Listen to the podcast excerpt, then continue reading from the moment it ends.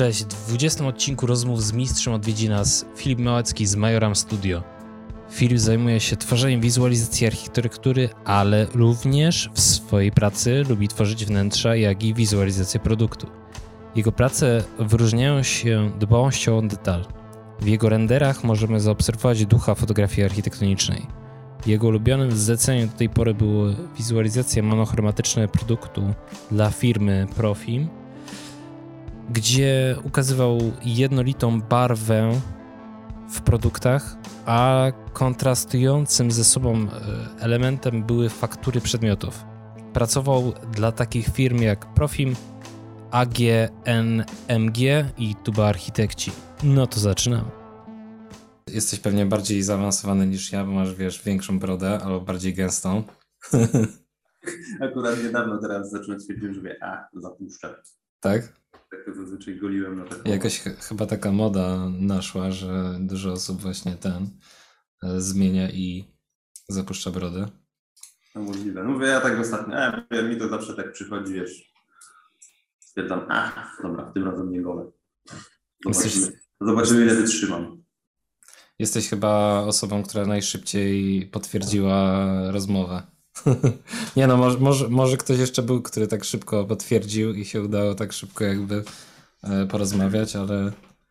ale wiem. wiesz co, no już kiedyś rozmawialiśmy o tym, nie? Kiedy no, no, no, tak, tak. Chyba tak, chyba tak W zeszłym było. roku, e, czekaj, jak to było? Ja mogłem, mogłem też tylko w godzinach pracy, a ty chyba wtedy jakoś tak nie mogłeś takich roboczych. Może, może coś takiego było, no. Było, no. Tak.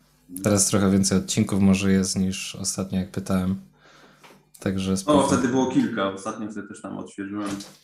Oglądałem y, twój odcinek z Bartkiem Domiczkiem. No, no, no. No, to jest, to jest kopek. Widziałeś, on, on, oni tam zaczęli robić ten blog, taki Common Point, kojarzysz? Tak, tak, śledzę, śledzę. Czytałeś? To, tam też nawet jestem trochę w kontakcie z, z Arturem tam ją, czasem tam mhm. z nim popiszę. Hmm? No, Jeszcze... dobre rzeczy robią, naprawdę. Robotę robią świetną. Jak się tam zobaczy te ich poradniki odnośnie tak, tak. zieleni nieba. Tak, tak. Jest, jest, jest dużo, dużo wiedzy, nie? Hmm. Jak no. się zastanawiam. Kurczę, jak, jakim cudem, że to jest za darmo, nie? No dokładnie, nie? Większość ludzi y, tego typu wiedzę to chociażby na jakimś tak sprzedaje. No, no, no, dokładnie. I też bym z chęcią bym tam ten nie miałbym z tym problemu, żeby tam na Patronajcie coś płacić za to, bo naprawdę no, no, no. Jest, to, jest to niezła wiedza, nie? No jest dużo. Czy jeszcze, jeszcze nie poprosili Cię o wspólny artykuł? Mówisz? Nie, nie, nie. Myślę, trochę nie dorastam im do pięt niestety.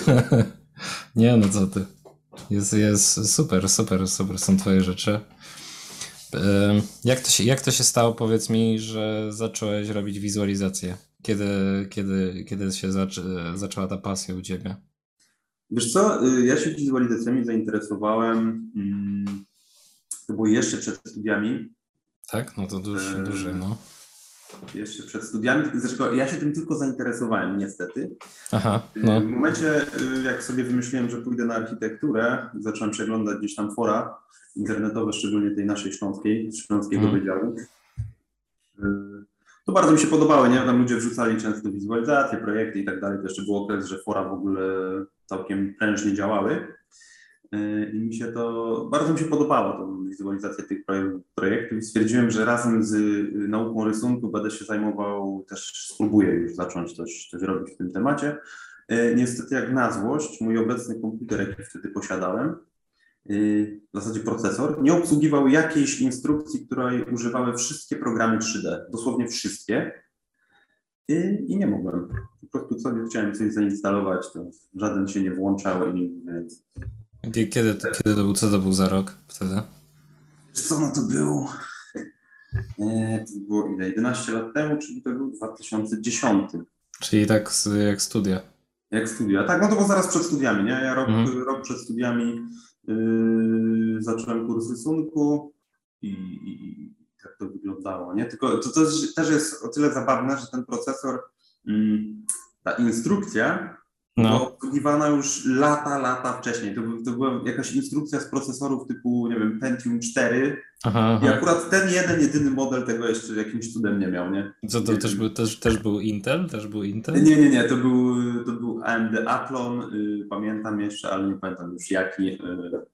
Y, mówię, ja dopiero i tak naprawdę dopiero zacząłem na frazę ze studiami, bo wtedy też tam kupiłem lapka, no i tam już, już się dało. Nie? W no. zasadzie zacząłem razem z pierwszym rokiem studiów, nie? No, no, no. Kiedy, kiedyś te procesory zmieniały częściej nazwy i w ogóle miały takie nazwy słowne, nie? A potem się zmieniło na i3, i 5 i tak zostało. Tak, tak, tak. Nie? tak zostało. No chociaż AMD trzyma tą swoją nazwę, nie? Ma te Ryzeny, Threadrippery i tak dalej, nie? Tak, tak, no. Coś, coś tam wymyślają. Epiki. No, coś takiego. No to i co? I i wtedy to był e, 3, ds Max, rozumiem? Teraz tak, ja od razu y, pierwszy chyba pamiętam, pierwszy projekt na studiach, nie wiem, pamiętam, że myśmy robili y, robiliśmy pierwsze projektowanie to by się składało z trzech projektów w pierwszym mhm. o ile dobrze pamiętam. Tak, Pierwszy tak. projekt robiłem w SketchUpie jeszcze, a potem już stwierdziłem, że mówię, a to następny już będę robił, pójdę w, w Maxa, żeby to było, wiesz, lepsze narzędzie zdecydowanie. I jak tak oglądałem po forach, no to wszyscy z tym pracowali, co co lepsze wiski robili, no to stwierdziłem, że od razu zacznę, nie? żeby nie tracić czasu na coś innego. I zacząłem od Maxa, no i w zasadzie zostało tak do, do teraz. Zaraz. I nigdy nie, myśl, nigdy nie myślałeś, żeby eksperymentować z jakimiś innymi e, programami? Wiesz co, takimi typowo 3D, typu, nie wiem, Maya, C4D czy Blender. Ja robiłem jakieś tam podejścia do Blendera, ale trochę to straciło sens. Znaczy, mhm. w momencie, kiedy robiłem podejście, to w ogóle nie miało sensu, bo Blender kompletnie się nie nadawał wtedy do, do robienia wizualizacji, a na pewno nie, na pewno mocno odstawał poziomem do tego, co się dało osiągnąć w Maxie. Mhm. E, a do tej reszty C4D i tak dalej nie robiłem podejścia. Raczej robię podejście do czegoś takiego, wiesz, coś to obok jest, nie? Typu mhm. programy, nie wiem, do jakiejś symulacji i tak dalej. Nie? Mhm. Obecnie coś... nie, nie, widzę trochę, wiadomo, Autodesk niestety jest trochę opieszały w zmianach i tak dalej, wiele programów go wyprzedza, ale przy bibliotekach, jakie są obecnie dostępne i chociażby cenie wersji Indie, mhm. to trochę straciło sens szukanie czegoś, jakiegoś, czy to tańszej alternatywy, czy, czy, czy, czy, czy jakiejś, no nie wiem, czy w ogóle, bo no mówię, no akurat w tej części, co, co ja się zajmuję, grafiki 3D, czyli tam głównie wizualizację wnętrz produktów, no nie, nie widzę po prostu sensu za bardzo, nie? No, no, no. Jakby to, taki jest zakres e, tych e, rzeczy gotowych, jakiejś pomocy, wtyczek i tak dalej, że chyba żaden program tego typu nie, nie ma, nie ma, nie no ma takiego czegoś, nie? No, a jeżeli materiały dodatkowe. Są, to jeżeli wtyczki są, to mm, najczęściej są okrojone, nie są aż tak rozbudowane. I... No, no, no. Albo silniki renderujące też jest a, tak, największe, tak, nie? Bo... No teraz chociażby Korona. Yy, Korona tak. ładnie goni yy, tą wersję do C4D, nie? Tam mhm. tak w miarę jest jest blisko, nie? Tak, tak, bo oni są do 3D z Maxa i do...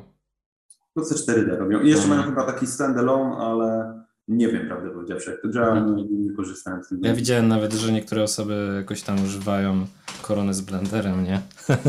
ale, to, ale to jest hardcore. Jak tam patrzyłem, co trzeba robić. Nie, jak ja robiłem podejścia do blendera, to tam to UI blendera to jest... No, no, no. To jest ja... A mówię, przy cenie Indii wydaje mi się, że straciło to trochę sens ten blender. No, no, no. Chyba, że naprawdę niedługo wejdą jakieś yy, naprawdę fajne opcje, które będą zdecydowanie lepsze w blenderze niż w Maxie i, i silniki będą napisane stricte pod blendera, nie? No, no, no. To wtedy może. Poczekamy, zobaczymy. Poczekamy, zobaczymy. No, no.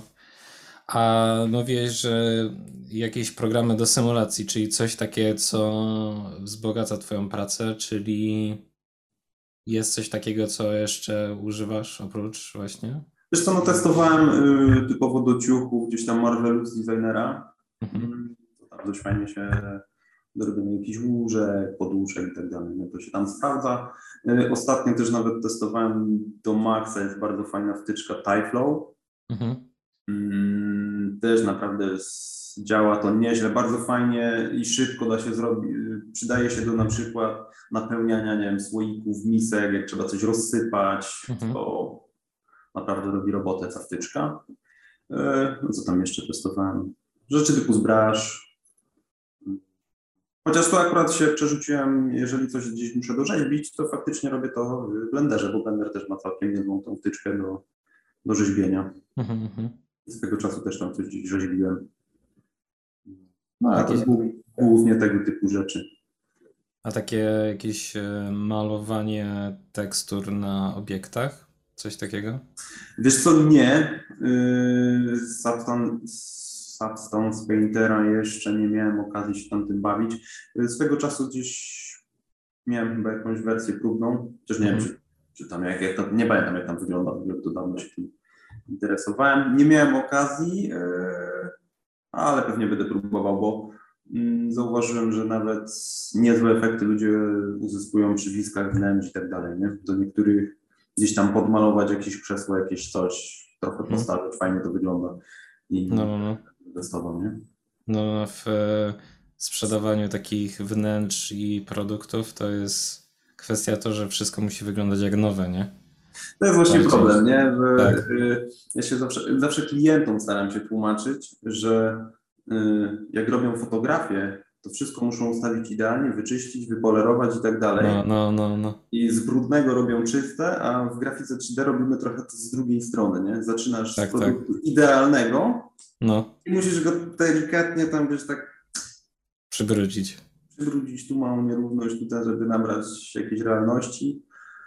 Ale to niestety czasami jak się przedobrzy, to też potem na brudne, za ten, za czyste. No, chociażby, żeby jakieś liście leżały, nie? Na, na ziemi. Tak, tak, tak. Tak, tylko to potem wygląda tak, że namęczysz się pół dnia, żeby liście leżały, jakieś tu okruchy tam detale, a, a klient ci potem mówi, nie, nie, to trzeba posprzątać. no, śmiesznie, nie? Chociaż na przykład do takich, nie wiem jak bardzo mówisz na temat produktów, ale na przykład część takich produktów, jak kojarzę, to takim ulubionym przez osoby, które robią z wizualizacje stricte produktowe, to jest e, ten Keyshot, nie? Też. Tak, tylko że Keyshot jest taki do... Pierścionków bardziej, nie? Tak, tak, coś tego typu, nie? Ja raczej, raczej jeśli już robię, to robię produkty we wnętrzach, nie? To są mhm. tego typu rzeczy. No, no, no. Więc raczej... Czyli na przykład tak krzesła. Krzesła, fotele, łóżka, szafy, regały i tego typu rzeczy. Nie? Mhm. Coś, z reguły jest to coś, co jest dosyć duże i problematyczne, żeby znaleźć odpowiednie, odpowiednie wnętrze, to zdecydowanie łatwiej jest to zrobić e, od zera, nie? Zera w formie wizualizacji. Nie? A jak na przykład klienci do ciebie proszą ciebie, to, to jak wygląda na przykład e, ich propozycja, tak? Bo skoro na przykład masz e, fotel, tak, mm. i musisz go umieścić we wnętrzu, no to, to jak to wygląda? Czy to jest na zasadzie takiego czegoś, że mówią ci od razu, jak ma wyglądać wnętrze, czy mówi, mówią na zasadzie zrób ładnie i, i musisz jakby wymyślić po prostu wszystko jakby dookoła eee, tego. Wiesz co, staram się unikać takich y, tematów typu zrób ładnie.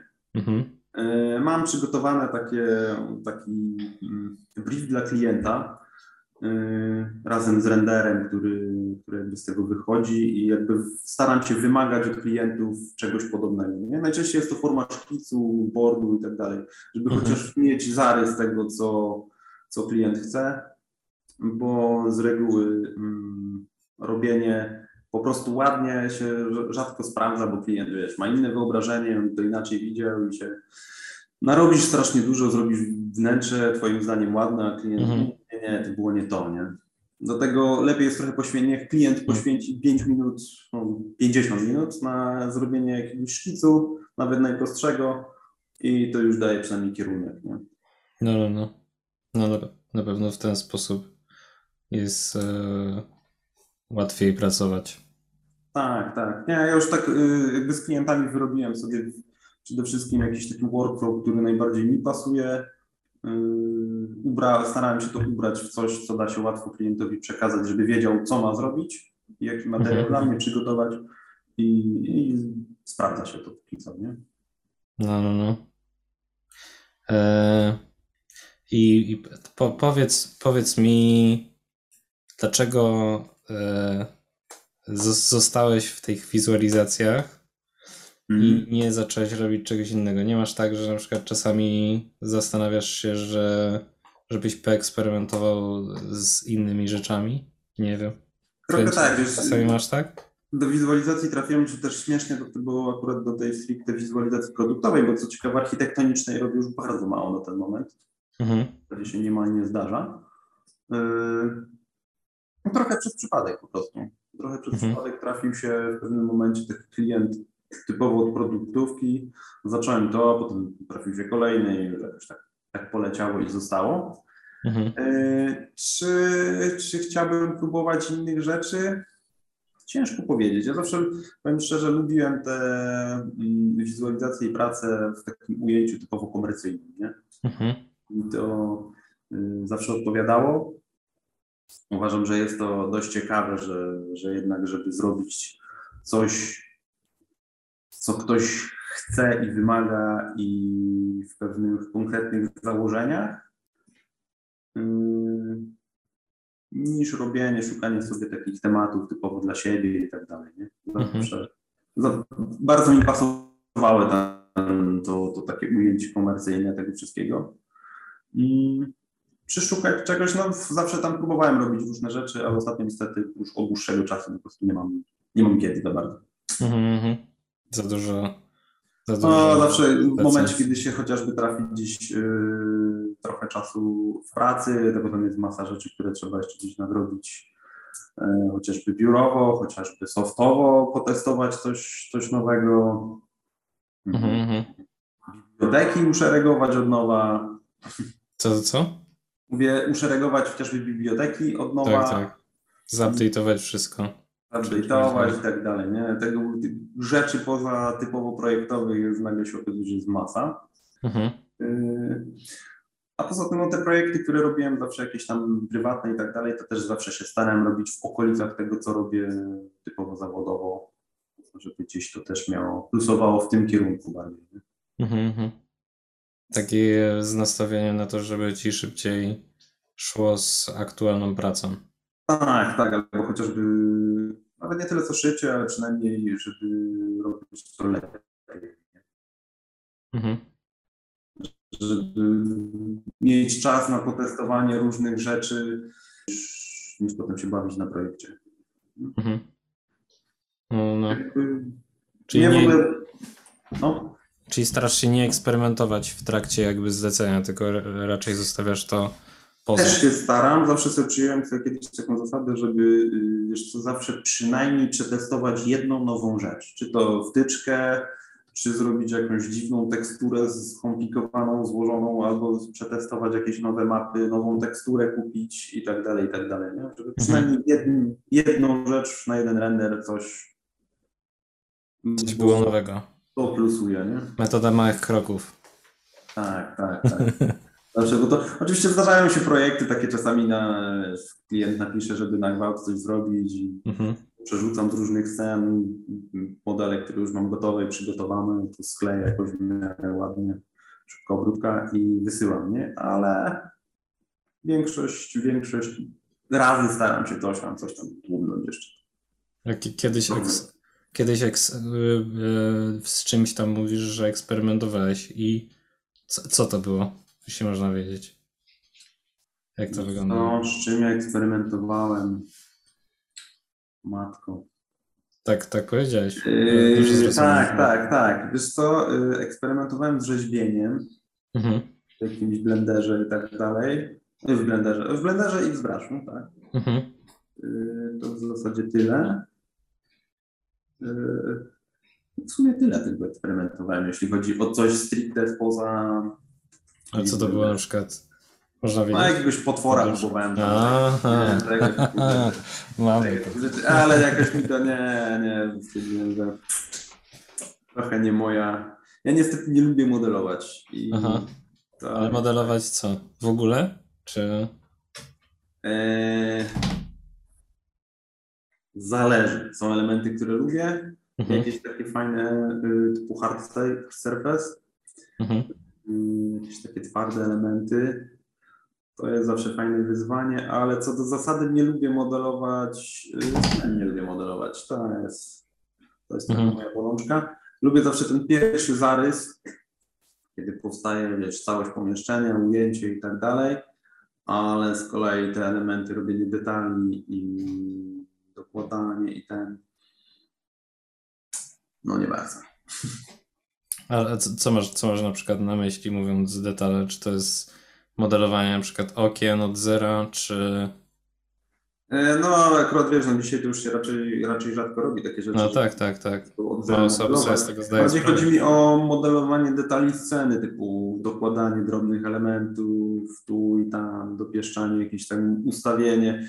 Ja to, ja to akurat, pomimo tego, że to robię i wydaje mi się, że robię to całkiem nieźle, Mhm. tego cholernie nie lubię. Yy, najczęściej robię tak, że po prostu scena przyzoomowana i wiesz, i tu jeszcze dodam to, tu tamto, 2 cm w lewo, centymetr w prawo, żeby to tam jakoś się działo, tu się nie zasłaniało. Zajmuje kupę czasu i no, Nie, nie, nie zawsze widać. nie, nie jest jakieś takie efekt. satysfakcjonujące, nie? Hmm. Może jakby były jakieś takie, przy takich wizualizacjach po tym jakby detalu, nie? Ale chyba komercyjnie No, to się kolei- rzadko zdarza, nie? To się niestety rzadko zdarza, nie? I to jest, to zawsze są fajne wizualizacje, one się dobrze sprzedają w portfolio i też tak się staram zawsze robić, nawet jeśli mam jakąś dużą wizualizację, no to dorobić parę takich yy, detali, Mhm. to tam fajnie, fajnie wygląda w portfolio, ale z, i to jest właśnie to z, z punktu widzenia komercyjnego prawie, że nie do sprzedania, nie? Mhm. Często. Nawet czasami się zdarza, zdarza klient, że jeżeli chce na przykład krzesło i ten, no to chcą czasami jakieś detale, ale jest to duża rzadkość. Oni najczęściej w konkretnym pomieszczeniu. Mhm. A na przykład, jeśli y, jest na wizualizacji jakieś krzesło, nie? Mhm. Czy na przykład wygląda to na takiej zasadzie, że jest tam jakaś dodatkowa historia z tym, czy na przykład y, wrzucanie takich, y, wiesz, produktów, kt- które powiedzmy przyszły klient jest w stanie używać, tak? Czyli na przykład jest ten y, taki docelowy klient, który na przykład uży, używa takiego telefonu, taki styl prowadzi życia i tam jakby te rzeczy się pojawiają wokół tego produktu, nie? Wiesz co, aż z takimi scenariuszami się raczej nie spotkałem. Ym, Raczej się to ogranicza do tego, że na przykład dany produkt będzie używany albo jest skierowany do pewnej grupy docelowej, typu, nie wiem, uczniowie w szkole, Mhm. No i mamy zrobiony render ym, po prostu szkoły, nie? jakiegoś holu i tak dalej. Mhm. Ym, Aż, aż, aż takich scenariuszy, no to ja akurat się nie spotykam z takimi, żeby, żeby wokół całości budować jakąś wielką historię i tak dalej. Ym, Raczej jest to dos- dosyć uproszczony temat, nie? Mhm. No rozumiem. Że raczej po prostu ten produkt jest do łazienki, zrobimy łazienkę, niż, niż że, tam, że jest to łazienka nie wiem, No, no. na pustyni, bo korzystają z niej Arabowie, którzy tam żyją. No, często tak na przykład y, z jakimiś takimi produktami y, się zdarza, nie? Że jest, że na przykład portfel, nie? Sprzedają jakiś i tam leży na przykład iPhone, obok tego jakiś, jakieś okulary specjalne, nie? Które po prostu te osoby, które na przykład y, grupa docelowa na przykład jest w stanie korzystać i tak dalej, nie? No to, to tak, taki placement trochę produktów to, to się akurat zdarza, nie? Że, że to tak klienci na przykład mają wymagania, żeby tam, jeżeli zapewniamy z czymś scenę, to na przykład, żeby to był raczej MacBook, albo żeby tam był iPhone, bo to jest skierowane do klienta premium, nie? No, no. No to tak, nie? Ale na przykład z kolei zdarzyło mi się, y, że gdzieś tam, to jeszcze na wizualizacji jakiejś architektonicznej władowałem samochód, No jakiś sportowy tam super samochód, to było nie, nie, nie, bo to z kolei Za drogie. wygląda zbyt ekskluzywnie, za drogo i to coś musi być No, no, no. Tak, tak, nie? Jakiś tam Ferrari Testarossa mało kto kupuje, bo w salonie Tak, będę się tak, kupić. Nie? No to tak akurat takie, takie, takie historie, takie scenariusze, że to, czy to jest grupa docelowa premium, czy bardziej jakaś taka dla, dla, dla zwykłych ludzi, to to się zdarza, nie? Ale żeby mówię, takie grube scenariusze wokół, to, to wydaje mi się, że to raczej jest y, domena już takich firm, które się zajmują szeroko pojętym marketingiem i wtedy wokół tego jest zrobiony cały, cała Mhm. machina marketingowa i tak dalej. Nie? Czy, czy zdarzyło Ci się na przykład kiedyś, żeby e, producent produktu wysłał Ci też mebel do przetestowania na przykład? Nie, wiesz co, no mebel, mebel w całości mi się nie zdarzyło, raczej yy, dostawałem typu blat biurka, żeby sobie zobaczyć Mhm. jak wygląda przekrój. Yy, dostałem, co jeszcze dostałem? No oczywiście próbki materiałów, plastiki i tak dalej, to Mhm. mam tutaj mnóstwo. Mm, Tego typu rzeczy, całe meble mi się nie zdarzyło. nie? Mhm, mhm. Teraz aktualnie pracuję nad takim trochę śmiesznym tematem już dość, dość długo. E, Są to implanty do łączenia kości, Mhm. e, takie tytanowe i no w ogóle cała masa jakichś Mhm. medycznych rzeczy. No to mam to po- poprzysyłane i mam te produkty tu. No, tym kość się łączy okej, nie? śruby, wszystko jest. No, Żeby, żeby zobaczyć, jak wygląda materia w prawdziwym świetle. To też jest w tak, ogóle tak, ciekawe, tak, tak, tak. Dostałem, y, dostałem ten produkt i on na zdjęciach wygląda kompletnie inaczej. Nie, nie Mhm. da się. Y, najpierw mi próbował y, tam no, osoba odpowiedzialna za zrobienie katalogu, bo to tam współpracuje z takim, z takim gościem. Próbował mi to zrobić zdjęcie i jakoś ten, ten materiał oddać i mi się poddał i musiał mi to wysłać, bo, bo nie byliśmy w stanie dojść do tego, jak to wygląda. Mhm, mhm. To jest też zabawne, że jakoś kompletnie inaczej łapie światło niż w rzeczywistości. i No nie, Mhm. nie do odwzorowania po zdjęciach było nie do zrobienia. nie? No, no, no, to zawsze jest fajne, nie? Po prostu widzieć chociażby tą fakturę, nie? Żeby... Tak, to- to tak, jest co innego, nie? sobie, Trochę gdzieś tam w świetle dziennym, sztucznym poobracać, zobaczyć jak to się tam błyszczy. Mm, Wtedy jest to zdecydowanie łatwiej odtworzyć. Mhm. No ostatnio też miałem zabawną sytuację, bo klient y, gdzieś tam w jakiejś wizualizacji, to też niestety jest częste w produktówce, no produkt, kolor, wszystko musi się zgadzać. Mhm. Oczywiście percepcja koloru, to jak my kolory odbieramy, to jest tak szeroki temat, że pewnie można o tym gadać i gadać i robić całe, całe studia skończyć. Mhm. E, I klient próbował mi to pokazać najpierw za pomocą zdjęć. Mhm. No i tu oczywiście zdjęcie zrobione w odpowiednim oświetleniu musi być. Skalibrowanym, musi być skalibrowane wszystko. Ja muszę mieć skalibrowany monitor, żeby to miało w ogóle ręce i nogi. Potem próbowali to zrobić, yy, no właśnie tak jak teraz gadamy, przez kamerę. Mhm. To oczywiście nie miało żadnego sensu. Popatrz. Tak, tak, no i krzesłem mi kręcą. Tak, tak. To, to w ogóle było bardzo zabawne. No i już mówię, próbowałem tłumaczyć, że to kompletnie nie ma sensu, nie? No, no, no. Kurczę, nie łapie ostrość, czekaj. Tak, Zaraz dokładnie przybliżę. tak to wyglądało. Czekaj, Dokładnie, czekaj, złapię. dokładnie tak to wyglądało. No koniec końców wysłali mi próbki, no i jak dostałem próbki, no to była chwila, nie? Mhm. Mhm. Dobra, wygląda to tak i tak i mogłem, no wiedziałem jak to wygląda w końcu. Nie? Mhm, mhm. Było znacznie łatwiej to odwzorować, nie? ale przyznam szczerze, że czasami tłumaczenie klientom, zagadnienie właśnie yy, kolorów, to dlaczego coś wygląda inaczej na komputerze i tak dalej, to, to jest ciężki temat. Mhm. Jeszcze właśnie najlepiej jak klient coś ogląda na...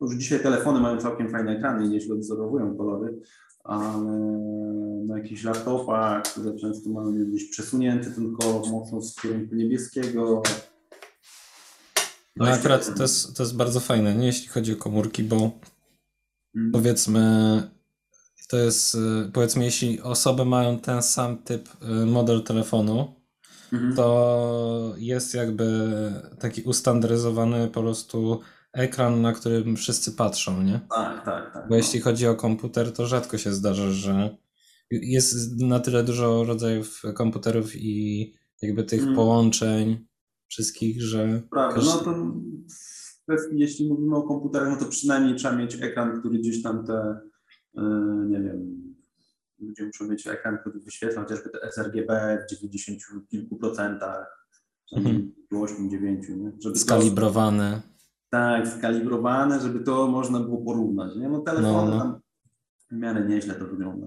Też trzeba, też trzeba zawsze sobie wziąć pod uwagę, że jeżeli robimy coś i tak będzie głównie w internecie, no to to, czy ten kolor jest 2% w jedną czy w drugą, nie ma większego znaczenia, bo ludzie to i tak oglądają na masie różnych urządzeń, każdy widzi to trochę inaczej.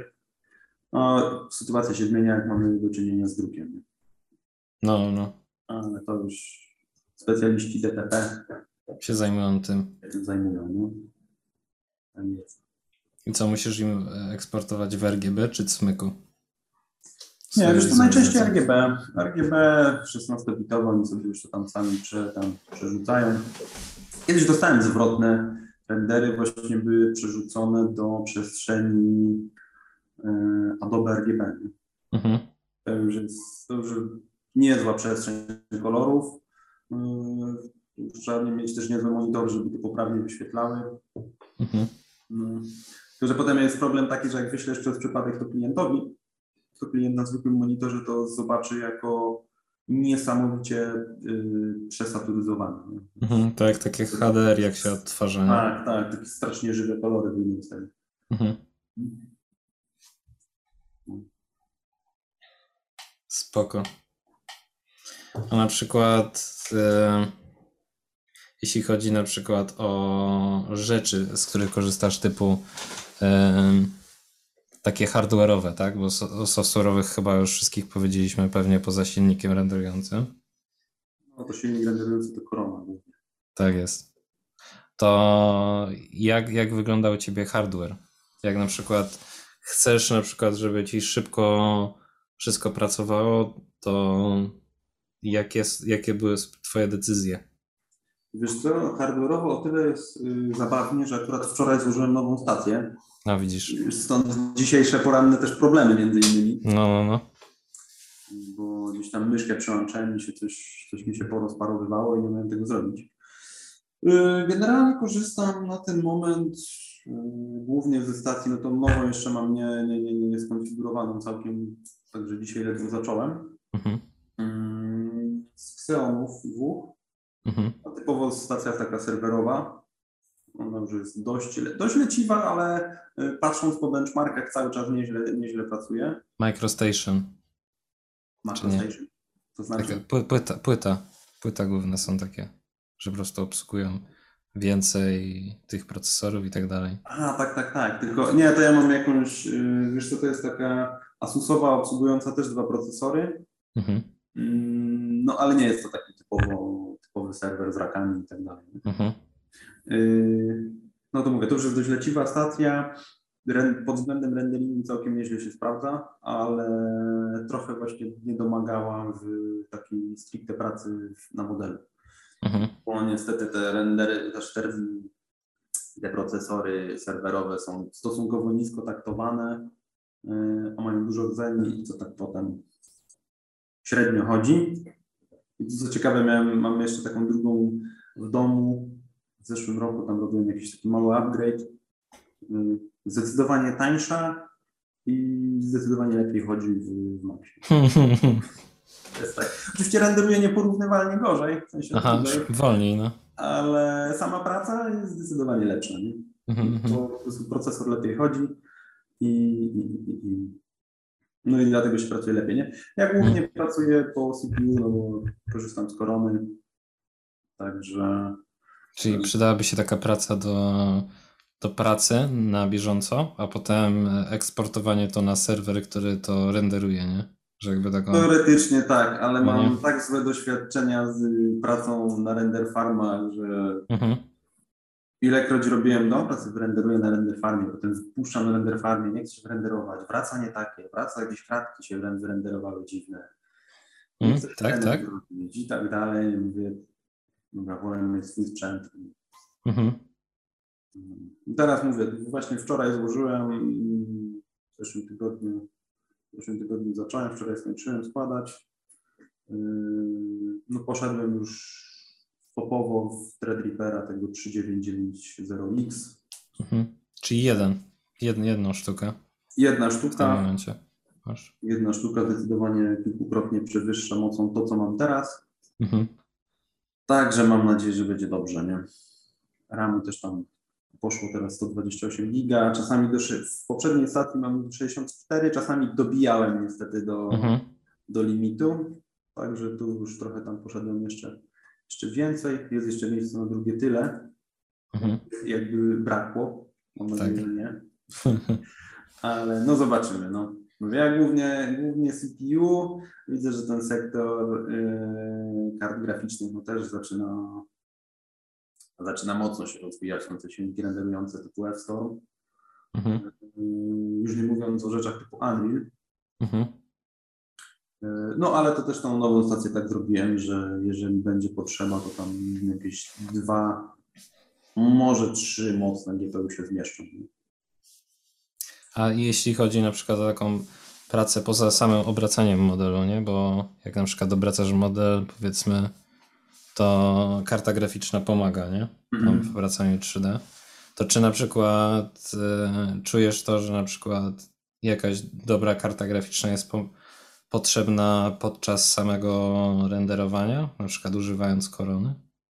Tam Nie, wiesz co, nie. Znaczy, ma to sens tylko przy używaniu Interactive tego Mhm. Interactive i tam już jakiś czas temu się to pojawiło.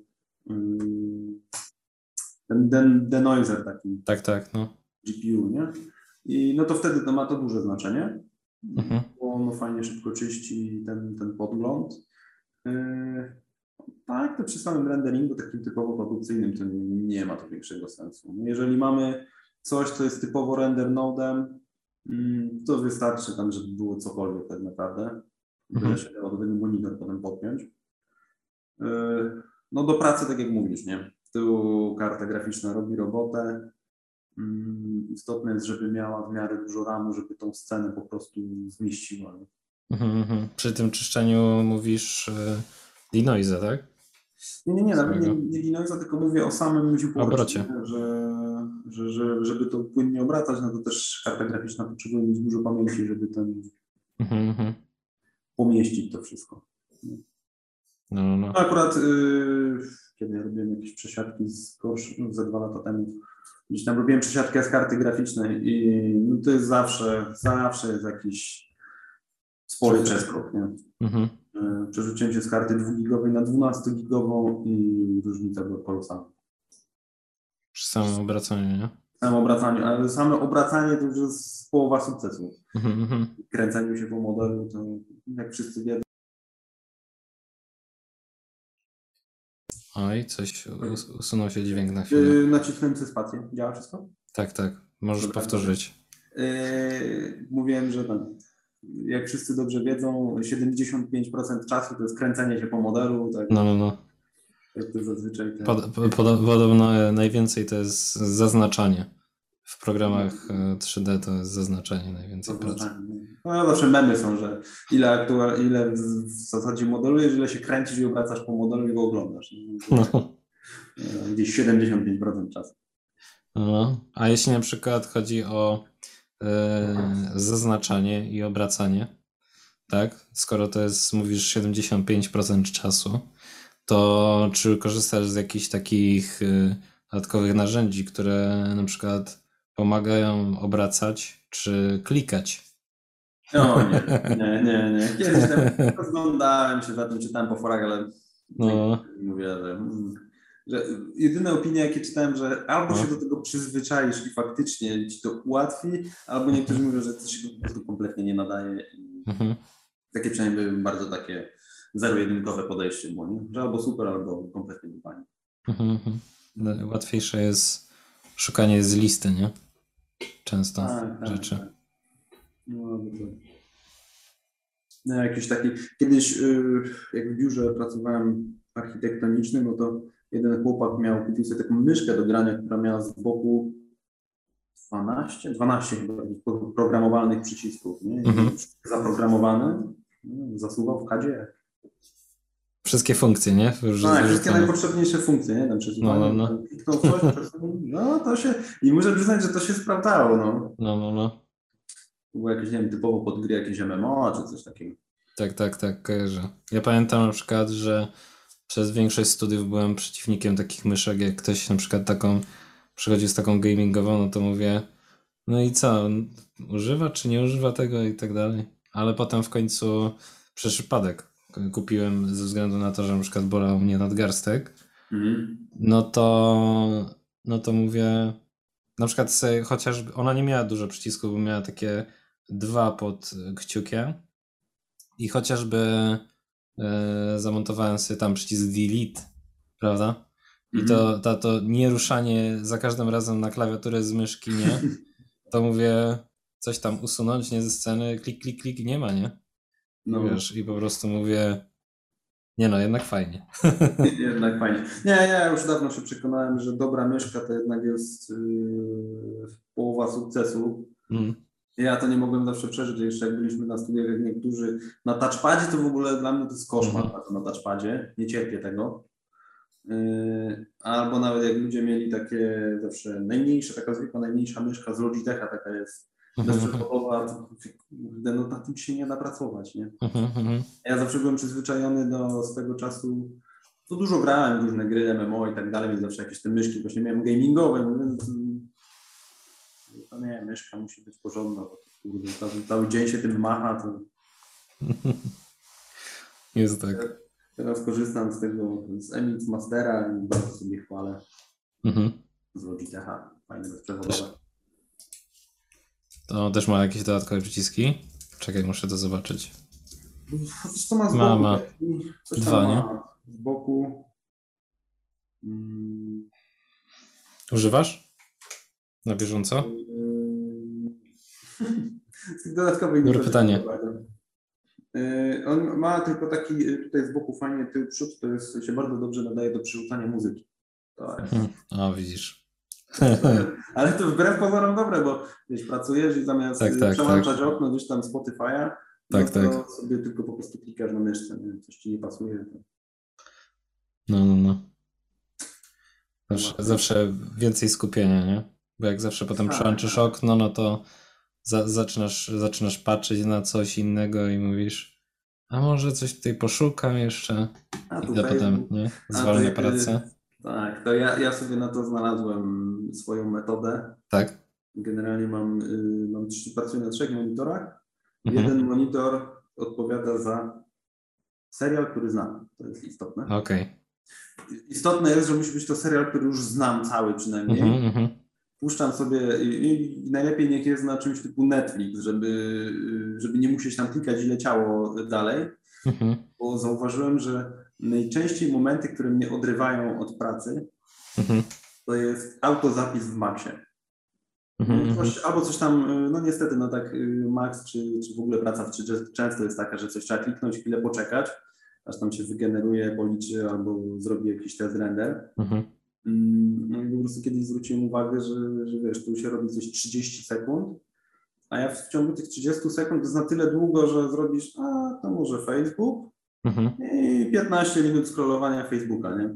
Mhm. Tak zwróciłem uwagę, że jeżeli leci z boku serial, to ja na te 15-30 sekund oderwę wzrok na serial i z powrotem zobaczę kątem oka, że się zrobiło i z powrotem wracam do pracy. Nie? Tylko mówię, to jest kluczowe, żeby to było no, no. coś, to znam, bo jak raz spróbowałem puścić coś nowego, to, to potem się skończyło na oglądaniu serialu. No, no, no, jest, jest tak z zapisywaniem czy z Maxa czasami, jak już jest większa scena to jest problem, ale na przykład zastanawiam się, czy znasz takie rozwiązanie na to, bo jest taka opcja w ustawieniach, że masz kompres, kompresy, możesz tak, tak kompresować. Tak, tak, tak, masz to, używasz tego. To tam no. trochę skraca, nie? Ten czas zapisu. Znaczy, wiesz co, to działa, a nie działa to odwrotnie? Bo masz, jak masz kompres on save, no to są mniejsze pliki. Aha, aha, aha. I to wtedy, wolniej działa. I wtedy dłużej zapisuje, nie? No to jest mhm. albo, wiesz, mniejszy plik, dłuższe zapisywanie, albo większy plik i krótsze zapisywanie. No ja mhm. najczęściej mam to yy, wyłączone. Mhm. Ostatnio właśnie coś robiłem, yy, mam takie rozwiązanie zrobione, że większość projektów mam na Dropboxie, Mhm. pracuję między komputerem w biurze i w domu. Y, Robiłem coś w domu, przełączyłem sobie właśnie tą opcję, żeby, żeby mi się tam plik jakiś długi nie wysyłał, bo on tam miał chyba ze 3 giga, taki był absurdalnie Mhm. wielki. Więc włączyłem sobie Compress on Save, coś się po drodze zdupczyło i miałem 3 godziny pracy. Poszły. Także następnego, następnego dnia zaczynałem od nowa. Tak, tak. Ale na Dropboxie przecież są też jakby wersje poprzednie pliku. Też jest coś takiego. Y, Są wersje poprzednie, tylko ja akurat zrobiłem tak, że zapisałem nową wersję, po czym stwierdziłem, że nadpiszę ją jeszcze raz, tylko skompresowaną. Mhm. No i wtedy się coś w trakcie tego nadpisywania się coś wykrzaczyło i wtedy Mhm. miałem, Nie dało się tego przywrócić. nie dało się tego przywrócić. No. Kurczę. Tam No. się ani jeszcze nie zdążyło zauploadować, ani nie. I, no, tak straciłem, straciłem trochę roboty. No niestety. Bywa. no. To już, już lepiej, lepiej jest robić tą taką opcję, że za każdym zap- zapisem jest nowy plik, nie? Że potem Tak, możesz tak, wrócić tak. do poprzedniej wersji jakiejś. Tak, jak masz, masz ten zapis, co nie wiem. No, Tak, tak, no może być dużo tych plików. Może potem, być nie? dużo, no. Ja się tak zawsze staram, że mi danego dnia robić nowy plik. To już no, no, no, no. jest z reguły wystarczające, plus, plus te autozapisy. Jest Mhm. okej. Czas, czasami korzystam z tego, żeby wiesz, jak będzie jakaś zmiana i trzeba będzie wrócić do czegoś, to jest z czego szukać. Tak, tak, tak. No. czasami tak jest.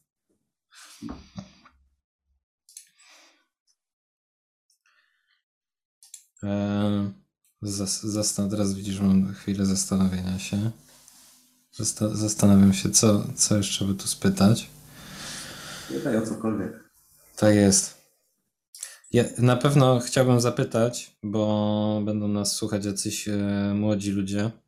E, to, to powiedz mi, jak, jak by, co byś powiedział takim młodym osobom, które na przykład zaczynają swoją drogę, nie wiedzą jakiego programu na przykład wybrać i tak dalej, i jak, jak zacząć z tym wszystkim, żeby to nie było też takie przytłaczające, nie? Że po prostu wiesz, muszą osiągnąć jakiś poziom nagle, to niekoniecznie Mhm. tak trzeba, nie? Od razu. Wiesz co, ja bym hmm, raczej poszedłbym zawsze od razu w program docelowy, pomimo tego, że jest to na starcie trudne, Mhm. bo no powiedzmy sobie szczerze, jak się zobaczy interfejs 3D Maxa po raz pierwszy, nie mając nigdy styczności z grafiką 3D, no to to jest wow, nie wiadomo co kliknąć. Yy, To też właśnie zabawnie się potem ogląda tutoriale, gdzie ludzie ciach, ciach, ciach, wszystko robią w pół godziny, modelują wielką, fajną sofę. No to nie masz pojęcia, co on zrobił tak naprawdę. Mhm. Ale raczej poszedłbym y, od razu w soft taki, taki ten docelowy, czyli no, to wszystko zależy od tego, co ktoś chce robić. Nie? Jeżeli szedł, szedłbym stricte wizualizacje architektoniczne czy wnętrz, to raczej bym poszedł w Maxa. Wiem, że tam do filmów, animacji, gier i tak dalej jest lepszy, tam są lepsze softy. Maya do czegoś innego służy, C4D jest też do czegoś innego lepsze. Mm, Więc to wszystko trzeba sobie się zorientować, co, gdzie, w którym sektorze branży się używa. I na pewno w to szedł. Yy, Ewentualnie może spróbowałbym na starcie gdzieś czegoś, czegoś prostszego typu SketchUp. Blender nie jest akurat prostszy, ale też by można, czyli darmowy. Yy, Spróbować z czym to się je w ogóle na starcie, nie? Czy żeby sobie potestować i zobaczyć, jak, jak, to, jak to funkcjonuje grafika 3D i potem się przerzucać na jakiś soft. Chociaż tak mówię, naprawdę to zaczynałbym od razu od tego, co, co, co trzeba. Sam zresztą tak robiłem, bo tak jak mówiłem na początku, na, na początku studiów robiłem pierwszy projekt w SketchUpie, ale to trochę wynikało z, no, z tego, że nas czas gonił. No wiadomo, jak to wyglądało z projektami, coś trzeba było zrobić, szybko jakieś wizualizacje, no to SketchUp na początek był zdecydowanie lepszy.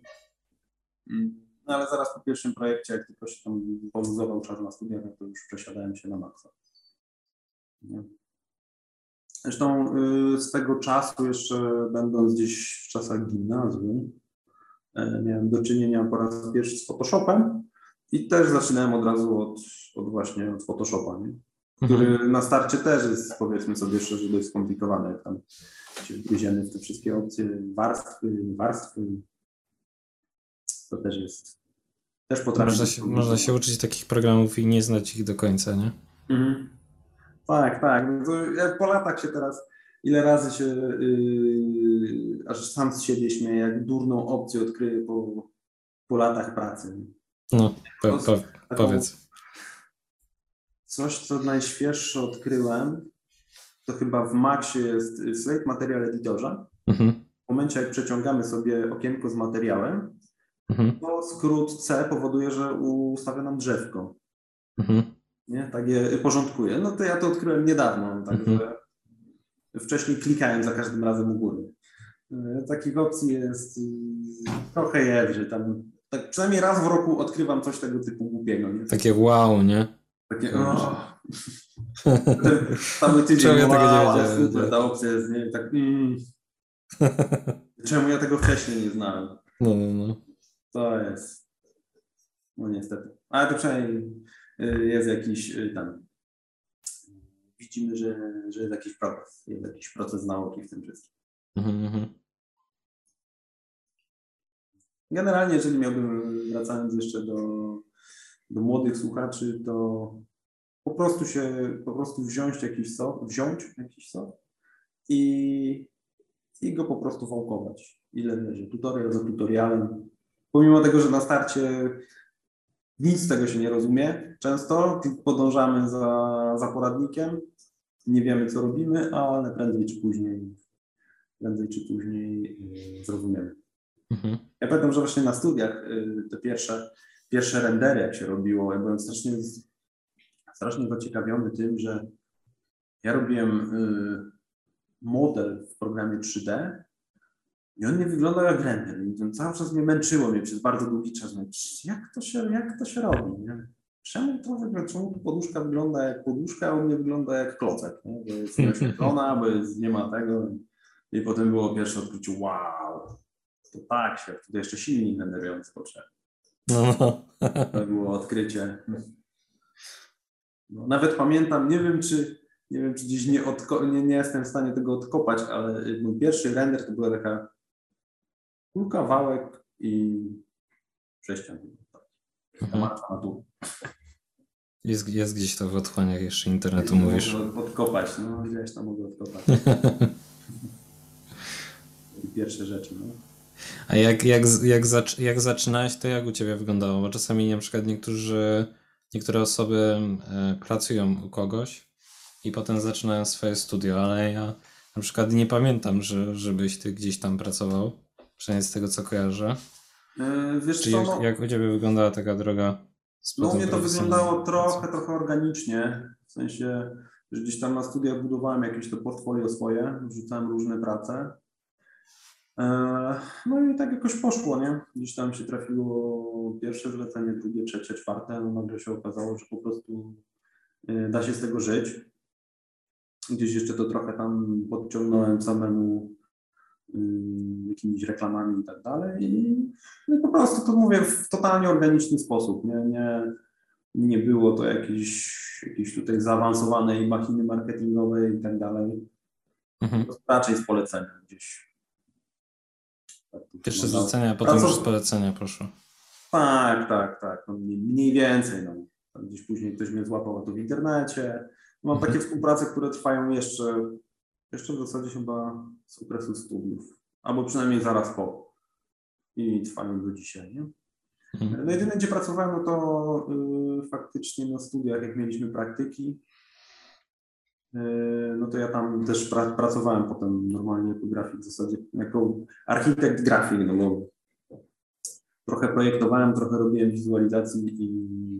i Podobały im się wiski, mówili. Tak, tak, tak. Byłem, jeszcze... byłem w zasadzie projektantem 3D, bo po prostu ja... Aha. To było yy, w zasadzie praca, której nie życzę nikomu, bo projektowanie 3D w biurze architektonicznym to moim zdaniem jest nieciekawa praca. Mówisz, że takie wykonywanie modeli jakby już gotowych. Takie po prostu, prostu. wykonywanie modeli, wiesz, dużo sprawdzaliśmy rzeczy na modelach i tak dalej, więc tak punktu widzenia, y, to było tak mało rozwijające z punktu widzenia typowo pod wizualizację i grafiku graficznego. I z drugiej strony też trochę było mało rozwijające z punktu widzenia architektonicznego, nie? bo jednak Mhm. nie, nie, nie, nie dotykało się tego projektu budowlanego, y, to gdzieś tam trochę człowieka omijało. Mhm. Y, Fakt faktem było ciekawe to, że no, miałem szansę coś zaprojektować, co realnie powstało, Mhm. Yy, bo gdzieś tam testowaliśmy i próbowaliśmy właśnie w tych programach 3D ogarnąć sobie, jak to wygląda, a potem ktoś to po prostu na rysunki już typowo techniczne przekładał. Nie, A ty mówisz, że to było już po stworzonym budynku, czy co? nie, nie, nie no to było jeszcze na etapie projektu Mhm. budowlanego. Mhm. mhm. Na etapie projektu budowlanego. No to były już rzeczy typu, yy, nie wiem, rzeźbienie kształtu schodów i tak dalej, żeby one miały jakiś tam kształt, który Mhm. Idealnie taki jak po- będzie. powywijane i tak dalej, nie? I to tak Mhm, ciężko mhm. było sprawdzić wtedy typowo. No, trzeba było to sprawdzić w 3D, żeby to miało ręce i nogi potem na rysunku technicznym, nie? Mhm. To był taki coś związanego z, z BIM-em, nie? Taki nie architekt koncepcyjny. Tak, Taki- tak, taki tak. bardziej- No, firma już pracowała wtedy na, na, na BIM-ie, ale jeszcze to też yy, powiedzmy sobie szczerze, takie typowo mm, zdolności do modelowania program 3D ma lepsze i większe niż, niż taki BIM-owski, nie? Tam jednak jest sporo ograniczeń, bo oni są tak typowo budowlane ograniczenia. Aha, czyli co, robiłeś to w, co w 3ds robiłem- Maxie? w Maxie robiłem, eksportowaliśmy to do Bima. Mhm. E, No i wtedy wiesz, w Bimie jest o tyle fajnie, że można sobie wrzucić projekt, y, też model 3D. Mhm. Y, W widokach y, 2D on się przekroi Mhm. i można go po prostu tam obrysować i zrobić odpowiednie rysunki do tego. nie? No, no, no. No się- Jak, jak na przykład coś robimy w Revicie, no to tam jest bardzo takie ubogie to narzędzie, jeśli chodzi o modelowanie 3D rzeczy. Mhm. I, No. i, i, I jak coś trzeba zrobić trudniejszego, to on już, już mówi, nie wiem, co ty chcesz zrobić. No, no właśnie, myśmy wtedy pracowali na, na Archicadzie, y, no i to było w zasadzie to samo, nie? No, no, no. Nie, nie, dało się takich skomplikowanych różnych struktur y, zrobić, a to wtedy też były, schody były właśnie jakieś zawijane, jakieś takie, Mhm. jakieś takie formy wstęp, no to trzeba było, trzeba było to sobie sprawdzić, wymodelować. No, to dość, dość to z tego punktu widzenia było to dość ciekawe, ale mało rozwijające w jednym i w drugim kierunku. Tak. Od, od tamtej, od tamtego czasu powiedziałeś, że nie chcesz modelować. Nie było to dla ciebie. To, Przyjemne. tak, coś w tym jest. No, coś w tym jest. Ten, ten moment. No, no, bo na początku mówiłeś, że, że nie lubisz tego robić w 3ds Maxie i tutaj masz, tutaj jakby to jest, jest ten początek tej historii chyba. Tak, tak. Myślę, że tak, że to jest to takie właśnie typowe grzebanie na modelu. To jest coś, czego, czego nie lubimy. Naj, najmniej chyba y, może, może po, można powiedzieć takie artystyczne, nie? Że po prostu musisz zrobić identycznie jak to. Chociaż Tak. w sumie z materiałami, żeby odwzorować, to też jest, też jest jakieś Ale- takie rzeźbienie, nie? Jest trochę rzeźbienia, ale co ciekawe, to jest jedna z moich ulubionych rzeczy właśnie y, Mhm. gdzieś tam w tej części robienia wizualizacji. No, robienie materiałów to... mm, To jest taki bardziej visual development, jak mi powiedział Tak, tak, tak. Jest to... Jest poprzed, to poprzedni Patryk. Może słuchaj z nim, bo polecam, bo może, może cię to Nie, zainteresuje. nie, nie, nie słuchałem. Tam część tylko słuchałem, nie wiem właśnie. No, no, no. nie wiem, które ominąłem. Bo to- Bo to... tam trochę masz teraz, także Tak, tak, tak.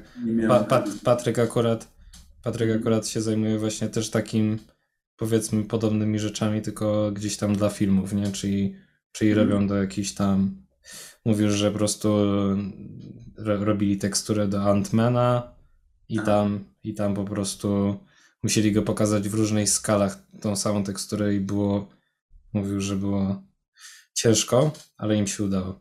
No, no. Bo tam ze względów na jakieś warunki oświetlenia, Tak, skalowanie tej tekstury, po prostu, że takie bardzo nietypowe zadanie.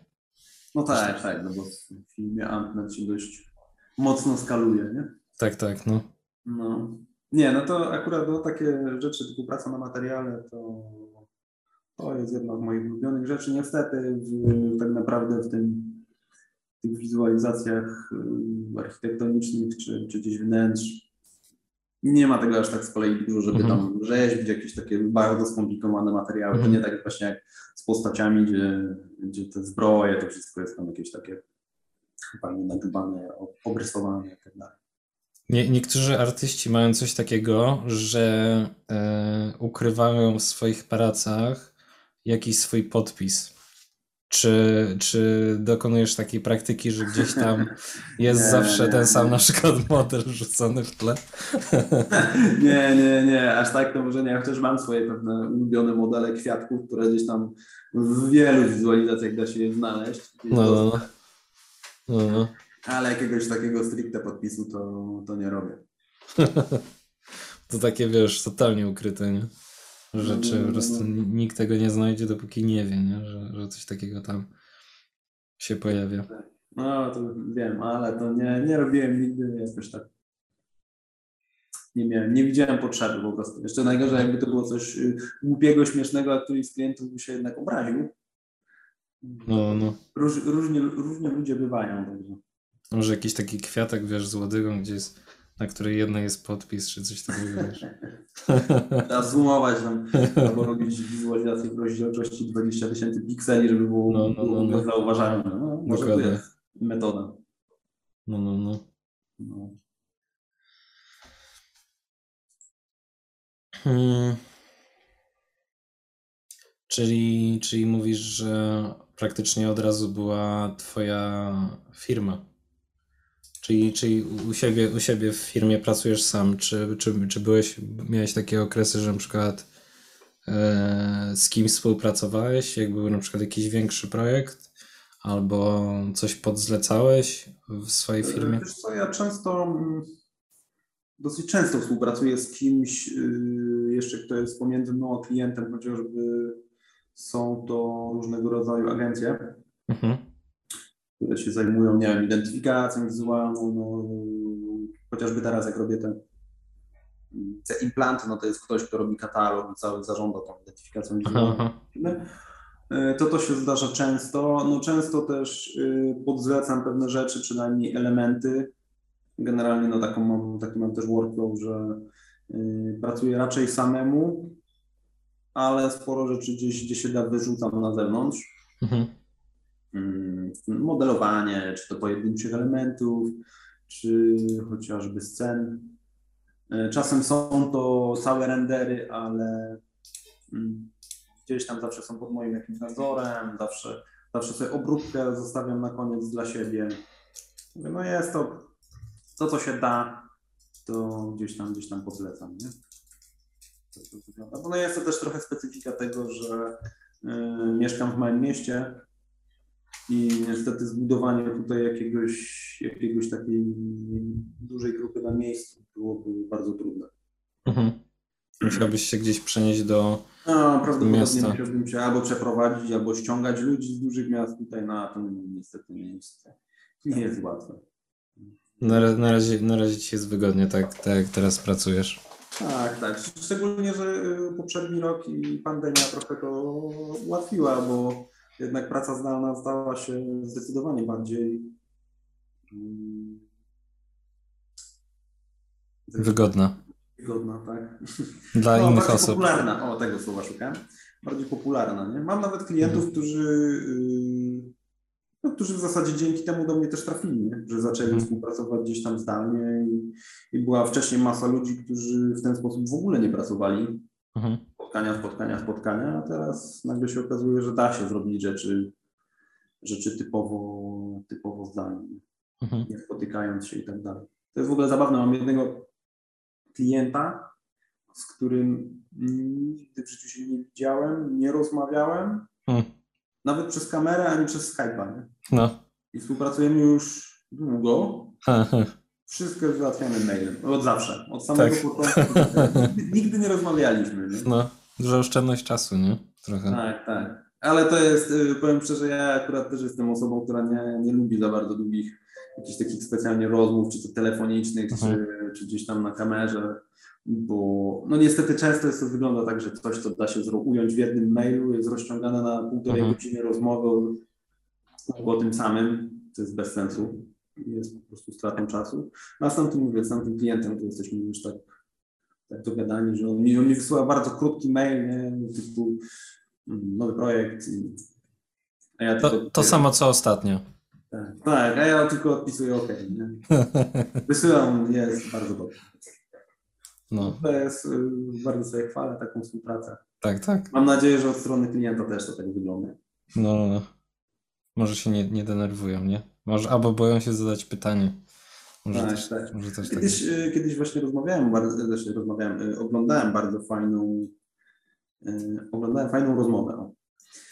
Y, gdzie właśnie gość opowiadał o tym, że jak cennym czasem często jest y, czas klienta, jak, jak, y, jak cenny jest czas klienta dla niego i Mhm. dlaczego on właśnie unika mm, długich rozmów i tak dalej Mhm. i się stara być jak najbardziej konkretny i jak ważne jest to właśnie w takim y, komercyjnym podejściu, żeby nie tego klienta ciągle tam nie męczyć o coś, Mhm. tylko wyciągnąć na starcie jak najwięcej i dostarczyć produkt. Nie? I ja generalnie podzielam tą filozofię i też tak się Kto, kto, kto, staram kto, kto, tak, kto, kto tak mówi? To chyba była rozmowa, o ile dobrze pamiętam, Majka Goldena. Mhm. Jest to. Na Instagramie znajdziesz go jako Drokis. Dyry o k q u i s. Bardzo fajne. Robi bardzo świetne rendery i bardzo fajnie rysuje. No z twojej dziedziny też coś będzie, bo bardzo fajny, fajny taki concept painting robi i Drawkeys? Drokis, no coś, coś takiego. Mhm. To poszukam później. No. I to są jakiś, po, jakiś pod, pod, z podcastu, tak? Czy coś takiego? Czy on tam pisze jakby takie posty na Instagramie? Wiesz co, to było, to była wtedy jakaś rozmowa z jakiegoś podcastu właśnie. Mhm. E, Niestety jakiś czas temu jej szukałem i chyba, chyba nie ma jej już w necie. Mhm. A on sam prowadzi y, dość często live'y dotyczące właśnie digital paintingu Mhm. I tego, takich, takich, tego typu rzeczy teraz. Nie wiem, No, czy jeszcze robi wizualizację. A wcześniej wiem, że robił wizualizację głównie w obrębie Nowego Jorku Mhm. i, i tamtych, tamtych części świata. I naprawdę, naprawdę świetne prace. Ale to co? cennych- dużo Jakieś wnętrza też. czy coś takiego? Mówisz Głównie też? wnętrza, tak. Głównie były wnętrza jakichś takich y, y, o, apartamentów z Nowego Jorku za, za grubą kasę. No i właśnie on tam opowiadał, jak to y, inwestorzy, którzy robią tego typu apartamenty, cenią sobie swój czas. Mhm. Jak on y, po, właśnie przez to, że nie męczy ich i stara się unikać tego kontaktu, czy gdzieś tam y, stara się być jak najbardziej konkretnym, Mhm. dostarcza pewną wartość. Nie? No muszę sobie popatrzeć w takim razie. I on właśnie też mówił, że, e, że też ma takie, takie często e, współpracę, że gdzieś tam oni wiedzą, że on to zrobi dobrze, tam wysyłają projekt. Po co mają kogoś szukać innego, nie? tak, tak. mają pewniaka. Tak. Tak już jest, nie? Tak, dopóki się czegoś nie zepsuje współpracy albo to, To to... tak często wygląda. Zresztą sam to widzę po sobie, y, gdzieś tam podzlecając pewne rzeczy, y, próbowałem na przykład znaleźć kogoś do robienia modeli, czy scen, czy Mhm. I cały czas wracam gdzieś tam do tej jednej osoby, bo, no bo, bo mam problem. Bo zawsze jest gdzieś coś jest nie, tam nie tak i Mhm. No i Tak, to- oszczędzasz czas na tym, żeby nie, nie musieć po prostu tłumaczyć, tylko nie? potem nie poprawiać, nie tłumaczyć i tak dalej. Mhm.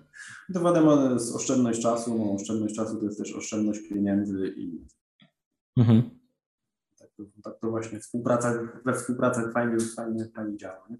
Mhm. A powiedz mi na przykład, czy jest jakiś taki projekt albo na przykład klient, czasami niektóre osoby takie mają, że, chci, że chcieliby z kimś pracować, wiesz, czy, czy, czy masz taką na przykład listę? Aha, y, listę wymarzonych klientów. No albo, albo chociaż kogoś tam, jednego, że jeszcze nie, nie udało się nawiązać. Wiesz co, chyba nie. Klientów może nie. Mam pewien typ projektów, który chciałbym Mhm. realizować, a niestety rzadko mam, rzadko, w zasadzie wcale nie mam okazji. Y, To właśnie trochę takie tego typu projekty jak, y, jak ten Mike Golden, nie? czyli takie całościowe apartamenty, które są zaprojektowane. Nie? Mhm. Bo niestety często mam tak, że no dostaję coś, to ma tylko szkic, Mhm. i gdzieś muszę samemu wymyślać i tak dalej. A y, no, moim takim wymarzonym, idealnym projektem to jest coś, gdzie byłby cały apartament. Mhm. Może być to dom, mieszkanie, no, to, już, to już nie jest jakby istotne, ale który jest Willa, taka duża. Nawet nie, nawet nie. Może być to y, małe skandynawskie mieszkanie, y, ale żeby było zaprojektowane i żeby było można się po prostu od A do Z skupić na zrobieniu tych. Pięciu ładnych renderów. Mhm. Że, bo niestety no zawsze jest tak, że w momencie, kiedy ja muszę coś wymyślać, to ja choćby podświadomie robię tak, żeby łatwiej mi się było, łatwiej było zrobić to jako render. Mhm. Że, no już tak zauważyłem, że tak to wygląda, że na przykład tu wymyślam jakąś podłogę, a to zrobię taką, jaką mam teksturę, nie? Mhm. Wiem, że mam ładną teksturę takiej, to zrobię taką. Mhm. Pomimo tego, że na przykład lepiej pasowałaby inna, ale musiałbym mhm. z kolei, nie wiem, poświęcić dwie godziny na szukanie odpowiedniej tekstury w internecie. Mhm. Nie, i to jest właśnie ten problem. Dlatego mówię, to taki idealny projekt, tak, żeby był zrobiony, zaprojektowany od A do Z. Najlepiej, żeby była to ładna architektura. Mhm. I, i, I się skupić typowo na wizualizacji. No, no, no. Wtedy byś musiał, wtedy by było trochę wyzwań, nie? Mówisz? No, no właśnie, jakiś... to wtedy, wiesz, jest dużo wyzwań odnośnie tego, żeby pokazać ten konkretny projekt fajnie, żeby znaleźć ładne ujęcia, żeby pobawić się światłem, które mhm. będzie pasowało do tego. Gdzieś będzie element tego, że będzie trzeba przekonać do tych ujęć klienta. Mhm. Bo czasami mówię, u mnie to wygląda raczej tak, że klient sobie już wymyśli ujęcie. No ja muszę to ujęcie to konkretnie już zrobić, żeby wyglądało ładnie. Dlatego, że jak y, już też staram się tłumaczyć ludziom, że mm, pewne ujęcia we wnętrzach po prostu nie wyglądają dobrze. Raczej y, naturalnym jest to, że dobrze wygląda zdjęcie w kierunku okna. Mhm. Łapie więcej refleksów, inaczej się układają cienie i tak dalej, y, niż jak mamy chociażby okno z zabletów. Mhm, mhm. no tak, tak. No i to się już chociażby staram tłumaczyć klientom, że jeżeli wyślą mi szkic, gdzie sobie zaznaczą, że ujęcie jest z oknem za pleców, to już pisze, że lepiej byłoby to zmienić, bo prawdopodobnie nie będzie to wyglądało korzystnie. Nie? Mhm. No, no. No to takie płaskie, nie? Się od razu wychodzi. Tak, tak, wszystko się robi płaskie, cienie się spłaszczają i nie ma, nie ma tego waloru. Że ewentualnie musiało być jakieś takie ujęcie totalnie nocne, nie? Albo ewentualnie jeśli jest, nocne, jest z okna, nie? Świecimy typowo sztucznie, y, no, ale niestety nie zawsze się sprawdzają. Bo no, czasami klient chce coś tam konkretnego pokazać i wiem, ma jakąś tam małą kanapę do pokazania w salonie i ona nagle wyśle mu zdjęcie, ujęcie nocne, wieczorne i ona tak, mm, dobra, to jednak w świetle dziennym i potem się okazuje, że ta scena do światła dziennego się nie nadaje. Hmm. No i niestety. To też jest pewien, yy, zauważyłem pewien problem z projektami, że czasami dostaję, to już też się nauczyłem y, nie napalać, y, że tak to ujmę, na brief y, od klienta, bo czasami dostaję brief i mhm. widzę, o tak, to jest projekt roku, tu będą świetne ujęcia, to będzie, to jest projekt do portfolio i scena branży podbita, nie?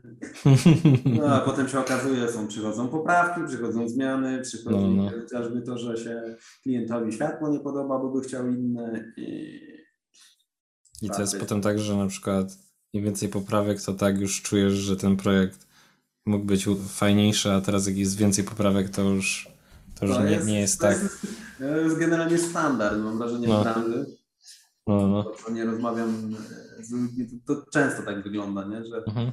masz pierwsze ujęcie, zrobisz wiesz, na szybko, ta, znaczy na, nawet nie na szybko, ale ustawisz sobie światło, potestujesz tam, masz, o, jest, jest ok, dodasz jeszcze tylko, wysyłasz do klienta, myślisz, że klient zrobi tak, dodaj detale i będzie git, a tu klient nie, nie, to światło nie takie, jak? Bo światło musi być inne, ostre, mocne, jakieś tam i nagle się scena zmienia. Zmienia i jest, jest, jest słabo. Chociaż y, trzeba też przyznać, że uczciwie, że czasami, y, czasami klient ma rację, E, I czasami z takich, y, takich przepychanek przód tył z klientem wychodzą fajniejsze rzeczy niż na starcie. Mhm. Że, że klient gdzieś tam ten tą swoją wizję przepycha i razem w połączeniu z, z jakimś tam moim z artystą. Tak, i to nagle wychodzi, daje, daje całkiem fajny efekt. Ale jeśli miałbym liczyć, to raczej jest to raczej jest to rzadziej, a nie, a nie częściej. Mhm. Częściej się klient przyczynia do tego, że po prostu pomarudzi trochę, że na przykład jakaś tekstura albo jakiś element wygląda trochę sztucznie albo dziwnie. Nie? To akurat mhm. przyznaję, że to się zdarza, bo no, czasami stąd nie chcąc gdzieś się coś albo o czymś zapomni, albo wyśle, yy, wyśle nieskończone yy, i klient potem trochę tam gdzieś, gdzieś tu marudzi na to na tamto. Faktycznie potem się przysiada nad danym, danym elementem i zyskuje na tym cała, cała grafika. Jest to dość, dość też fajne. No, no. no. A i na przykład jak, jak masz takich klientów, to masz jakiś taki serwis internetowy, z, z którego na przykład najczęściej dostajesz propozycje? Czy na przykład czasami niektórzy mają tak, że dostają często z, przez Instagrama na przykład propozycje, albo, albo jest to jakiś inny serwis na przykład. Czy to nie jesteś w stanie na przykład wyśledzić, bo masz tam zawsze napisanego maila i zwykle osoby piszą na mm. maila. Wiesz co, jeśli miałbym strzelać w serwis, to zaskakująco prawdopodobnie powiedziałbym, że jest to Behance. Mhm. Stamtąd też pochodziły chyba moje pierwsze zlecenia. Nie, pierwsze zlecenia e, jakiekolwiek miałem, to były z takiego serwisu, się wtedy nazywało Odesk. Mhm. To się chyba dzisiaj nazywa Upwork. Taka oferia, mhm, mhm. zagraniczna oferia. Fiverr. No, coś takiego. No dzisiaj Fiverr to już jest, to już jest pokłosiem tego typu tak, tak. Mhm. Ale to był, to był taki jeden z większych wtedy. Y, I miałem faktycznie tam pierwszych klientów, z którymi potem już normalnie prowadziłem gdzieś współpracę poza, poza tym serwisem. Ale mhm. jeżeli miałbym tak y, powiedzieć, że skąd przychodzą nowi, to raczej z Behance'a. Co mhm. jest dość zaskakujące, bo zawsze myślałem, że jest to trochę takie kółko wzajemnej adoracji. No, no sami artyści, nie? W, w, sami artyści, nie? Tak, tak. Wrzucają pracę i sobie tam lajkują nawzajem. No, no, no. A się okazało, że, że stamtąd y, w zasadzie miałem najwięcej klientów. Może to wynika z tego, że z pewnego rodzaju specyfiki, że mnie najczęściej znajdują właśnie yy, raczej agencje, mhm raczej jakieś agencje, no, które też siedzą na tego typu. No tak, no tak. To oni lubią sobie chodzić lajkować tam po tym serwisie. Tak, tak, tak. Wszystko mają przynajmniej w jednym miejscu, nie? Jak szukają, mm. szukają jakichś artystów, tak? Powiedzmy potrzebują, nie wiem, pięciu, dziesięciu, nie? Bo projekt mm. jest duży i, i co wtedy, nie?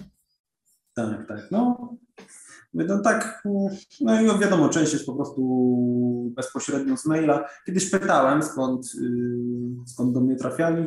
A, mhm. jakoś tak część odpisywała, część nie odpisywała. Mhm. Wiem, że nie ma sensu o to pytać. Nie wiem w zasadzie, czy są. Wiem na pewno, kiedy są ze strony, y, bo po prostu piszą przez formularz. Mhm, mhm. no wtedy to widzę, że jest to, jest to coś, co przyszło przez formularz. Y, a, tak, Mógłbyś mieć różne aliasy, nie? Wiesz, tak, tak, tak, początki. Jak ktoś pisze do ciebie, to wtedy byś wiedział, od razu skąd się ta osoba pojawiła, nie? Tak, tak. No było, byłoby to jakieś pytanie, ale no, no, warto byłoby wiedzieć, bo to wtedy y, wiadomo w jaki kanał y, gdzieś tam inwestować. Reklamowy inwestować.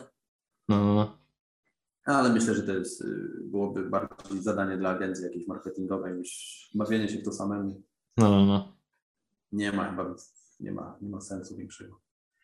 A jak, jak, jak u Ciebie wygląda na przykład e, organizacja pracy? Bo część osób na przykład lubi korzystać z takich e, jakichś programów do organizacji tego wszystkiego, chociażby na przykład jakiś tam referencji, tak? Powiedzmy, masz więcej mm. ekranów, czyli być może jakiś jeden służy Ci do tego, czy na przykład to jest kalendarz, wiesz, i tak dalej. E, Wiesz co, moim głównym narzędziem jest Excel. Mhm. Chyba jest Excel po prostu. Ja to w ogóle jestem, trochę jestem człowiek Excel. Mhm. Ja bardzo wiele elementów mojego życia przenoszę do Excela. Mhm.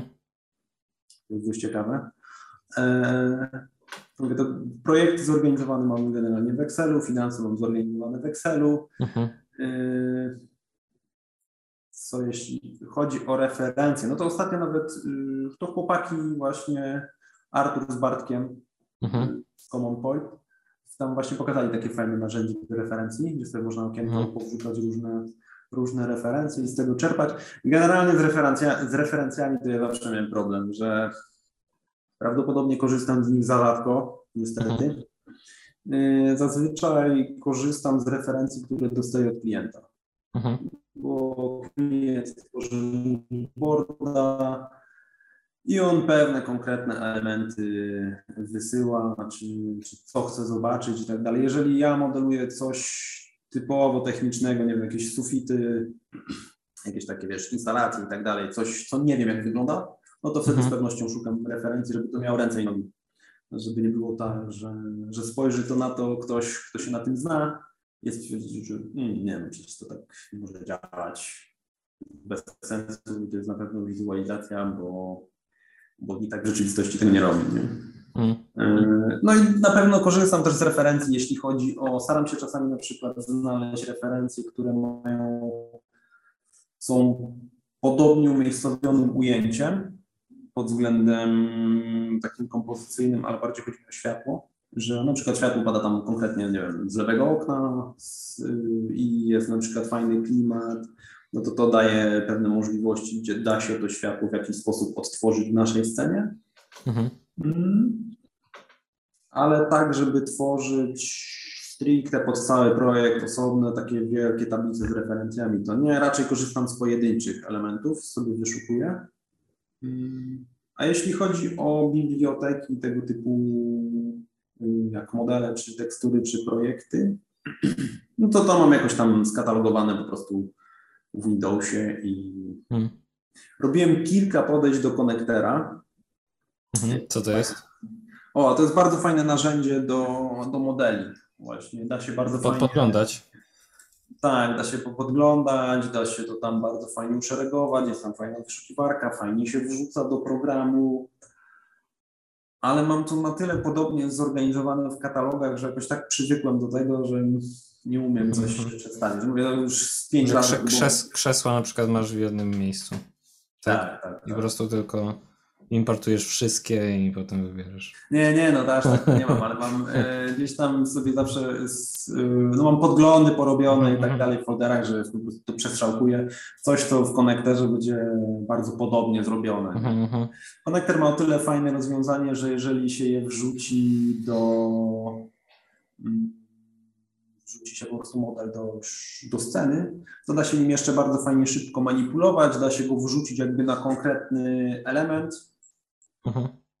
i to jest dość wygodne. Jak się tam dobrze tą bibliotekę ogarnie, to da się to potem szybko wrzucać. Wrzuci się na konkretny element, co to znaczy? No, że na przykład potrzebujesz wrzucić coś na stół, nie? Mhm. No Max też niby ma tam takie... E, ma aha, aha, aha, że ale to często jakoś tak że, je, że jest, że od razu wrzucasz kilka modeli ze sobą, łączysz i potem dopiero, że robisz taką Nie, bardziej chodzi mi o to, że na przykład mamy stół, który mhm. nie jest na wysokości zero mhm. i musimy wrzucić, nie wiem, talerze na stół, nie? Mhm. To układamy je od razu na stole. Mhm, mhm. Nie, nie robimy tak, że wrzucamy gdzieś do sceny i potem sobie to, to, to przeciągamy, tylko po prostu bezpośrednio da się, to nawet gdzieś widziałem film, jak, jak ktoś miał Y, bibliotekę stworzoną tak, że miał wszystko pojedynczo, talerz, widelec, aha, aha. kubek i tak dalej i on po prostu po kolei, nie? Talerz, pach, pach, pach, pach, sześć, widelce, jakby po prostu rozkładał po stole. I daje to też o tyle fajny efekt, że y, jest w tym pewna losowość, mhm. bo jest to podobne trochę do rozkładania w rzeczywistości, nie? Mhm, mhm. Bo jednak jak tak zrobimy, że wrzucimy sobie zestaw, przesuniemy o 50 cm w prawo, skopiujemy. Sztywne to jest. No. To jest takie sztywne, nie? Albo mhm. potem trzeba samemu to trochę tam, albo jakimś skryptem poprzekręcać, albo mhm. samemu. No to jest no, jeżeli chodzi o workflow, to, to głównie tak. Nazewnictwo plików y, sobie przyjąłem z, co ciekawe, z tego biura architektonicznego, w którym pracowałem mi się to mhm. podobało mi się i się sprawdza. Ale co, że data na początku? Nie, nie, ja mam tam y, jakąś taki mam workflow, że mam y, jakie to mam inicjały klienta, nazwa Aha, aha. projektu, No nazwa elementu, czyli czy jest to model render, czy coś tam i potem jakiś kolejny numer. Mhm, mhm. No ja już tak się przyzwyczaiłem, że mi się to bardzo łatwo szuka i Też, też takie słyszałem kiedyś. No, wygodne to jest, bo potem się szuka na przykład, jak coś było poprzednio od klienta, to od razu masz tak, otago, tak, otagowane, łatwo, nie? jest, łatwo jest to znaleźć. Mi to właśnie yy, czasami tam klient dzwoni i, i wiesz tam, pamiętasz jak robiliśmy coś tam, a ja mówię czekaj, czekaj, nie, pach, pach, pach, pach. No, Mhm. Mówię, no to, no i to tak, no to potem się w miarę szybko, szybko pracuje, jeśli coś trzeba ze starych scen przerzucać, Mhm. a, a często mi się to zdarza, Mhm. Muszę sięgać do poprzednich scen, więc Mhm. mhm. A może jakieś takie, ja na przykład mam takie fajne narzędzie do wyszukiwania w Windowsie, bo ta prze- przeglądarka e, e, wiadomo nie działa, nie? Za dobrze, jeśli chodzi o Mhm. szukanie. ale jeszcze raz, jeszcze raz, bo E, jeszcze nie powiedziałem nazwy, ale no, ten, no, to właśnie się nazywa, tak się zastanawiam, czy przerwało, czy... e, e, e, nazywa się Everything i po prostu masz, mam go pod skrótem i po prostu praktycznie w czasie rzeczywistym znajduje wszystko z komputera, nie? Bo ten Windowsowski tak sobie działa, nie? Aha. No to nie, to muszę właśnie, no to muszę przetestować. Oczywiście też, też, też to jest tak z tymi wszystkimi wyszukiwaniami, że czasami jest tak, że, że zdarzyło mi się, że na przykład wiedziałem, że coś jest na komputerze i on nie był w stanie mi tego znaleźć i potem użyłem na przykład przeglądarki Windowsowskiej, nie? Ale, ale Mhm. ogólnie w większości przypadków się super sprawdza. Taki darmowy program pewnie waży 1 megabajt, nie? I działa z No, tysiąc razy lepiej. Chociaż ja na tyle mam, akurat na tyle staram się trzymać porządek w plikach, jeśli chodzi o modele tekstury i projekty, że No No, to ja, ja, ja, jeszcze, ja jeszcze nie. ja z dosyć dużą łatwością znajduję wszystko, co potrzebuję. Nie? No, Jestem szybko to w stanie w folderze doklikać. Tak. no, no, no. Ja tu mówię, akurat przejąłem z tego z biura architektonicznego, widziałem, że tam to się sprawdzało i oni jeszcze mieli ciekawy, yy, ciekawą rzecz, bo dopisywali na końcu mm, pliku inicjał osoby, która to robiła. Mhm. To też było fajne, bo od razu wiesz, była jakaś zmiana, o której nie wiadomo, ciężko było dojść, co było zmienione albo co. Aha, aha, jak więcej osób pracowało Było, tak, nad projektem. od razu Mm. było łatwo dojść do tego, kto, kto był to- ostatni. Nie? No, no, no. No, no, no. Że inicjały, tak? Tak, tak. No, najprostszym sposobem. Spoko. Powiedz mi, bo mówiłeś na temat e, myszki, która ma e, magiczne możliwości przełączania pomiędzy e, muzyką. A mówiłeś również na temat tego, że, że lubisz słuchać seriali. To, to powiedz, powiedz, powiedz mi, czy, jak, jak, jak to wygląda najczęściej? Jaka muzyka na przykład e, leci w Twoich słuchawkach, czy tam na głośnikach? E, I ten, i, i jaki, jak, jaki jest najczęściej pewniak wybierany, że, że już wiesz, że ten projekt przejdzie gładko? Wiesz co, ja, jeśli chodzi o muzykę, bardzo lubię, jest taki mem. Jak sobie Tak. wpiszesz Music Ta- Taste Mem, to na pewno go znajdziesz. Mhm. Siedzi na ławce y, gość taki metal, nawet już nie taki standardowy metal, bo cały wymalowany. I Mhm. obok siedzi y, taka dziewczyna ubrana w białych, w białych ciuchach, taka słodka. Mhm. My Music Taste podpisane i also My Music Taste. Ja trochę też tak mam, że Aha, słucham pełnego przekroju, no, no. od typowo popowych kawałków, które są na topie, po jakiś progresywny metal. Mhm. Ale do pracy akurat wolę, wolę coś, co jest muzycznie nieskomplikowanego, bo jeżeli puszczę coś, coś, coś co jest muzycznie trudne, Mhm. to po prostu nie potrafię się skupić na pracy. Nie, Mhm. nie umiem i, i muszę mieć to albo coś, co mam już posłuchane, nie wiem, z lat dawnych, wcześniejszych Mhm. i, i wiem, jak brzmi muzycznie. Yy, no albo coś prostego, nie?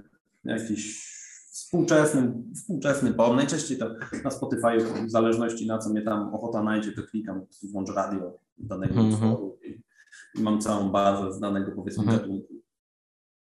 To, to, to, jest, to jest takie trochę podobne, tak mi się ko- kojarzy, że że, że po prostu tak, tak samo jak się osobom najłatwiej czyta, wiesz, na przykład taką, takim fontem jest napisane w książce, czy coś takiego, że to jest taki, wiesz, znany już mm. przez człowieka, to się szybciej czyta, nie? Tak, Też jest tak, tak, tak trochę. Tak, no. A jak jest coś osłuchane albo nowe, co powtarza to, co już było, no to też jest takie, y, że łatwiej się tego czyta, nie? Czy tam mhm. słucha, nie? No jeżeli miałbym do pracy puścić muzykę, jakąś, nie wiem, nową płytę jeszcze. E, progresywny rok jakiś. Progresywny rok, który jest skomplikowany i nowa płyta, którą jest nieosłuchana, to jest nie, no. nie, niemożliwe, nie? Żeby, Aha. żeby się skupić na pracy i będę się strasznie rozpraszał. Generalnie no taką muzykę to mogę, nie wiem, na spacer z psem sobie puścić, wtedy to jest... Idealnie. Wtedy jest idealnie, nie? Się mogę skupić po prostu na muzyce, jest idzie i wącha trawę. Mhm. No, z kolei mówię z seriali, jak jeszcze zahaczyłeś w seriale, to mhm. seriale mówię coś, co mam już, yy, coś, co najlepiej jest długie, w sensie mhm. ma mnóstwo sezonów i na sezon dużo odcinków. Mhm. Nie wybierać tego serialu raz na ludzki rok. Znaczy mhm. co chwilę, tylko raz na ludzki rok. Mhm. E, I tym sposobem e, doktora House'a mam przerobionego na z 5 czy 6 razy mhm. całego. E, no ja mówię, to jakieś takie no, no. Tutaj seriale też raczej nie jakieś tam mhm. skomplikowane. Tak ja tak, coś właśnie jak House, który ma po prostą budowę, tak? co, co odcinek inny przypadek. Ja wszystkie mhm. widzę tylko początek odcinka, wiem co komuś będzie to legać. Tak? Ja się na nim skupić. No. Ja takiego kolegę, który po prostu, nie wiem, czy po jednym przesłuchanym razie jakby e, danego, nie wiem, serialu, czy co to było wtedy, był w stanie na przykład cytować, nie? Że na zasadzie leciało coś drugi raz, a on już, on już jakby o, e, powtarzał te dialogi. Nie? O kurde, tak po pierwszym razie to... tak mówił, że to już raz słuchał, więc nie wiem, czy to prawda była, czy on wielokrotnie tego słuchał, że był w stanie to zapamiętać, no ale e, ludzie mają różne zdolności, prawda? No więc, więc po, po części tak jestem w stanie. Po jednym razie to bym nie dał rady. Tam po kilku i niektóre rzeczy to przypomnę, to tam nie jestem w stanie, ale żeby jakieś dłuższe fragmenty. No to mam kolegę, który y, bardzo właśnie dokładnie w ten podobny sposób zapamiętywał rzeczy i tym sposobem znał na pamięć E, chyba 13 księgę pana Tadeusza. Nie? Mhm. Także no. I potem wszyscy na imprezach, opowiedz, opowiedz. No dobra. Zaczynał. No, fajne, nie? Różne zdolności ludzie mają. Fajna droga tak, tak pamiętać, nie? Czy to dla niego trochę niefajnie, że na przykład pamięta tylko jedno dzieło już no, może być do takiego, do takiego etapu. Wiesz, fajnie było też na przykład coś ambitniejszego, nie? Tak, tak, no potem musi rozwijać się, nie? Zapamiętywać więcej, bo jak mu w, kół, w kółko mówią jedno i to samo, nie? Mm.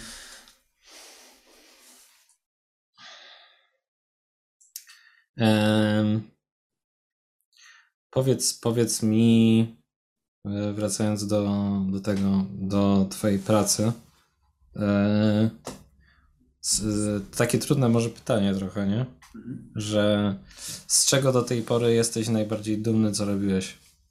Na przykład w kwestii całokształtu pracy. Całokształtu pracy? No. E, wiesz co? Z czym ci się najbardziej jakby przyjemnie pracowało? Nie wiem, czy przyjemnie, bo praca raczej, yy, znaczy znam odpowiedź na to pytanie. Generalnie naj, najmilej wspominam yy, pracę nad katalogami dla jednej firmy meblowych, mhm. Yy, które były robione na targi. I przygotowywałem dwa takie, znaczy to była współpraca, ja przygotowywałem rendery do katalogu. Mhm. E, sama praca raczej była ciężka, bo to były kwestie terminów i tam trzeba było zdążyć na targi, to tam oczywiście mhm raczej taka praca w długich godzinach, ale, y, ale, ale no, było dość mocno satysfakcjonujące, szczególnie drugi, y, drugi katalog, w którym trochę mam wrażenie wypromowaliśmy taką, mm, taką koncepcję, robiliśmy wtedy, no, można to znaleźć na moim Behance, Mhm. To jest katalog y, dla firmy Profim na Orgatek targi. To jest ten drugi, z czarną okładką. Wszystkie rendery są monochromatyczne. Mhm. No to była tam wymyślona koncepcja przez, przez tą firmę, która projektowała katalog. Mhm. I było to o tyle fajne, że mam wrażenie, że tym katalogiem trochę taki został wtedy na tych targach narzucony trend właśnie pokazywania mebli w takim monochromie. Zauważyliśmy, mhm. że to była taka koncepcja zrobiona na te targi, a po tych targach oni w ogóle mieli całe stoisko zrobione w ten sposób. Mhm.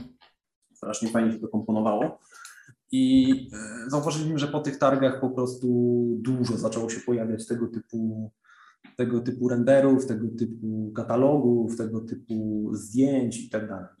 Mhm, mhm. I to było takie mocno, to, to jest taki jeden z projektów, który jest Yy, nie był łatwy do realizacji, bo przez względy terminowe, ale był bardzo satysfakcjonujący finalnie. Mo monochromatyczne, ale to nie było czarno-białe, dobrze rozumiem? Nie, nie, nie, nie, w sensie yy, w, jednym, w jednym odcieniu, nie? Tam żółty, mhm. zielony, żółty, żółty, czerwony, niebieski, szary, mhm. fioletowy. To jest tam, co, co, to, to jest to samo, co Profim Cheek, dobrze mówię? Nie? takie pomarańczowe krzesło, jakby kolekcja pomarańczowych krzeseł na tle w takim pomieszczeniu z dużą ilością okien? Eee, nie wiesz co, na moim Behance'ie to jest trzeci projekt, to jest tam Profi Morgatek 2018. Aha, aha, to jest późniejszy. Taki czarny. A, a, dobra. Okej. Okay. No, no, no. To tutaj na pewno, ja, ja pamiętam tamten po pierwszy, pierwszy, pierwszy profil, co, to tamten poprzedni, co, co powiedzmy robiłeś. Ale... No tamten poprzedni tamten... miał trochę inną koncepcję, nie? tak, tak, tak. W takiej betonowej hali jakby wszystko mm -hmm. było robione. Tak, tak. Tu, tu było to inaczej wymyślone. No, no, no. Też... To, jest to dość satysfakcjonujący dla mnie projekt, dość, dość ciekawy. No, no, bo to jest taka za zabawa z e, jakby jednym kolorem, ale też jakby musisz rozróżnić jakby te te materiały, nie? Pomiędzy sobą, żeby one jednak tak, tak, tak, odczuwały tak, się no. jako inne totalnie, nie? Jest to było to też fajne pod względem takim oświetleniowym, no mówię, dużo, mhm. dużo ciekawej zabawy i wbrew pozorom dużo problemów z tym, żeby ten, ten jednolity kolor tak zrobić właśnie w taki w miarę ciekawy sposób. Nie? No bo to jedno, jednak musi w jakiś sposób kontrastować, nie? Pomiędzy sobą, mhm. żeby było jakoś widoczne, nie? I tak dalej. Tak. Takie trochę, trochę yy, zabawa jak z czarno... Bo to niby tutaj są kolory, ale to jest tak trochę zabawa jak w czarno-białej fotografii, nie? Tak, tak, tak, no.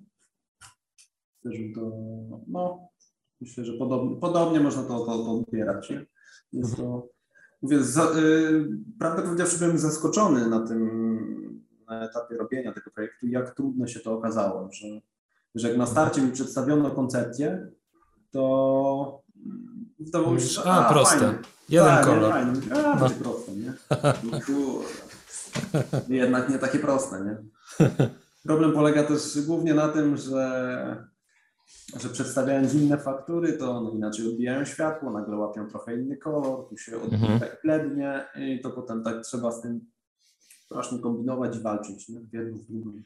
Żeby jednak były ko koło siebie tak y, wrażeniowo, a jednak tak, to tak, jest tak. Y, może też na przykład samo światło nie wpływa na to, nie? Że, że coś mhm. może być dalej i tak dalej. No, dużo, no. dużo zabawy takiej było właśnie ze światłem, z tymi kolorami, żeby to odpowiednio podciągać. To na pewno jeden z ciekawszych projektów. Mhm, mhm. Ja ko kojarzę, kojarzę taką, jest taka seria na YouTubie odnośnie jakichś artystów, nie? I tam tam jest, to się nazywa Colors, nie? Kojarzysz? Oj, nie kojarzę. To jest takie coś, że artyści są i oni są jakby w takim jednolitym też kolorze śpiewają, nie? Tam zwisa taki mikrofon najczęściej mm. od góry. Jest jakiś tam artysta i tam śpiewa, czy coś takiego jest na przykład wszystko żółte, nie? Czy coś mm. takiego, nie? Coś tak trochę podobnie, nie? Że mhm. jakby też, Ale też kiedyś, Yy, mój ojciec miał okazję współpracować z takim, to był, to był architekt, tylko to był architekt taki hmm, trochę artysta i on mhm. raczej robił pewne formy rzeźby. I właśnie kiedyś zrobił e, taką pawilon, nie jak to nazwać, taki dmuchany, wielki, e, taki żółty, jakieś tam były różne takie, e, różne korytarze i on był cały taki monochromatyczny właśnie, że jeszcze światło, które wpadało też e, zamieniało jakby wszystko w środku, nabierało tego koloru i się wchodziło do środka, no mi tam zdjęcia akurat z tego pokazywał, że, że faktycznie wszystko było takie, tak, Mhm. takie żółte i nabierało tego, tego koloru. To też takie, było dość ciekawe, bo cała przestrzeń w środku była taka monochromatyczna, znaczy monochrom, no jedno, jednokolorowa. A to, to, było, to był jakiś yy, filtr czy kolor? Czy to było światło, czy to było... Nie, to było, y, generalnie ta struktura była, przepuszczała światło, nie? I w momencie, kiedy światło wpadało do środka, no to była taka forma namiotu, tylko zrobiona w odpowiedniej formie i po prostu światło, które wpadało do Czyli środka. było dzienne, tak? dzienne, dzienne, tak, tak. Mhm. No. I co, się robiło wszystko w środku monochromatyczne, tak? Dobrze rozumiem? Znaczy wszystko było żółte, no akurat z tego co pamiętam było żółte, No, żółte, no. zielone, nie? Więc wszystko Mhm. się robiło w środku, było aż tak nabierało tej, tego żółtego koloru i wszystko było Nie dało się rozróżnić po prostu czerwonego od niebieskiego. No, mniej, mniej więcej tak, nie? że kolory Mhm. nabierały na tyle e, tej barwy żółtej, że ciężko było, ciężko było powiedzieć. Mhm, mhm. Tam jeszcze No i- wiem, pamiętam, że był jakiś taki, była cała jakaś taka filozofia i scenariusz dookoła tego zrobiony, taka idea. I tam ludzie jeszcze jakieś takie, e, chyba żółte karteczki. O właśnie, to miał taki mniej więcej kolor żółtych karteczek, nie? Coś, Mhm. coś tego typu. I tam jeszcze ludzie właśnie były jakieś tam, pisali różne rzeczy i przyklejali w środku te żółte karteczki. Nie, też ja byłem wtedy dość, dość młody, także... do A to Pol. Polak? Polak? Polak, Polak, no nawet gdzieś tu z, z okolic. Ale nie, nawet nie pamiętam, jak się nazywał za bardzo. Kurczę. Ja, Ja, przykład, byłem, mhm. ja byłem wtedy dzieciakiem, także. ja, ja to na, na pewno kojarzę takiego, gość, takiego gościa architekta, ale to wydaje mi się, że to nie był Polak. I on robił takie, no jest taki znany z robienia takich wystaw, gdzie, gdzie używa takiego, że nie wiem, czy to architekt w ogóle nawet, ale wydaje mi się, że tak. I używa takiego światła typu, nietypowego, które właśnie robiło, można powiedzieć, dokładnie ten sam efekt, więc tak dlatego się dopytywałem. I, i on, i on e, wydaje mi się, że albo zgapił, nie? W jakiś sposób, albo po prostu oni niezależnie pracują od tego, bo to są trochę inne rzeczy. Jedno to jest światło, a drugie to jest jakby taka e, taki witraż, nie? Mhm. I, I tam też to tak samo wyglądało. I robi, robiło tak, e, jakieś wystawa w Tate Modern na zasadzie słońce Aha. i było jeszcze e, odbicie w e, suficie, lustro, więc e, to było tak narysowane tak naprawdę połowa, połowa jakby słońca, druga połowa była odbita i wszystko robiło na taki jednolity kolor w tej takiej przestrzeni, nie? Nie wiem, czy tam Mhm. kojarzysz tą Tate Modern, to wnętrze. To jest takie duża, duża przestrzeń, galeria i tak dalej w, Lo w Londynie. To nie kojarzę, ale wnętrze nie pamiętam. Tam jest taka hala po prostu. Jakaś f- fabryka i, i, i- zostawili taką jedną, jedną dużą przestrzeń w tym. Mhm, mhm, mhm. No, no, no. I tam były jeszcze jakieś inne jego pro- projekty z tym związane, ale to chyba taki naj, najciekawszy. I pamiętam też, że właśnie na Netflixie miał z tego powodu. e, No, więc taki temu Polakowi może się mniej udało, bo robił też wid- z tego, co opowiadasz, ciekawe rzeczy, ale akurat tamten jest bardziej znany z tego może. Wiesz A może to jest ta sama osoba, nie wiem. No może, ale no mówię, to było, to było lata temu, no to było, No. jeżeli miałbym strzelać na dzień dzisiejszy, to mogło być z 18 lat temu, nie? No, no, no. 18-20. No, no, no. Kojarzę to jeszcze jako, jako, jako dziecko w zasadzie. no ciekawe. No to też tam najbardziej bardziej chodziło o, z tego co pamiętam, sam ten, ten balon był tylko pewnym elementem całości, nie? No, była Mhm. taka, głównie idea coś było z tymi karteczkami, że tam ludzie wchodzili, coś tam przyklejali. Spoko to jest. Fajne to jest takie, nie? Bo to jest takie nietypowe. Zaobserwowanie czegoś takiego na Mhm. żywo to, to, jest, to jest co innego, nie? Może na przykład jakby utworzyli taką scenę potem, nie? Na bazie takich renderów jacyś specjaliści, to też, też byłoby ciekawe, nie? Też to No. jest kolejny, kolejny jakby rozwój. Może kiedyś, może kiedyś się uda, nie? Tej firmie może. Coś no, takiego ostatnio tak jak ten, y, nie wiem, czy widziałeś rękawiczkę od y, no, z Facebooka w zasadzie, która pozwala dotykać rzeczy wirtualnie. Aha, no, no, no, jest. To taki jeszcze chyba to nie jest skończone, nie? Z, z ich... Tak, to tylko taki prototyp na razie powstał, mhm. nie? Ale to już daje, to jest ciekawe i to daje dużo możliwości, nie? Mhm, mhm. Tam ludzie się witali, nie? Tak, tak, coś tam się dotykali, no.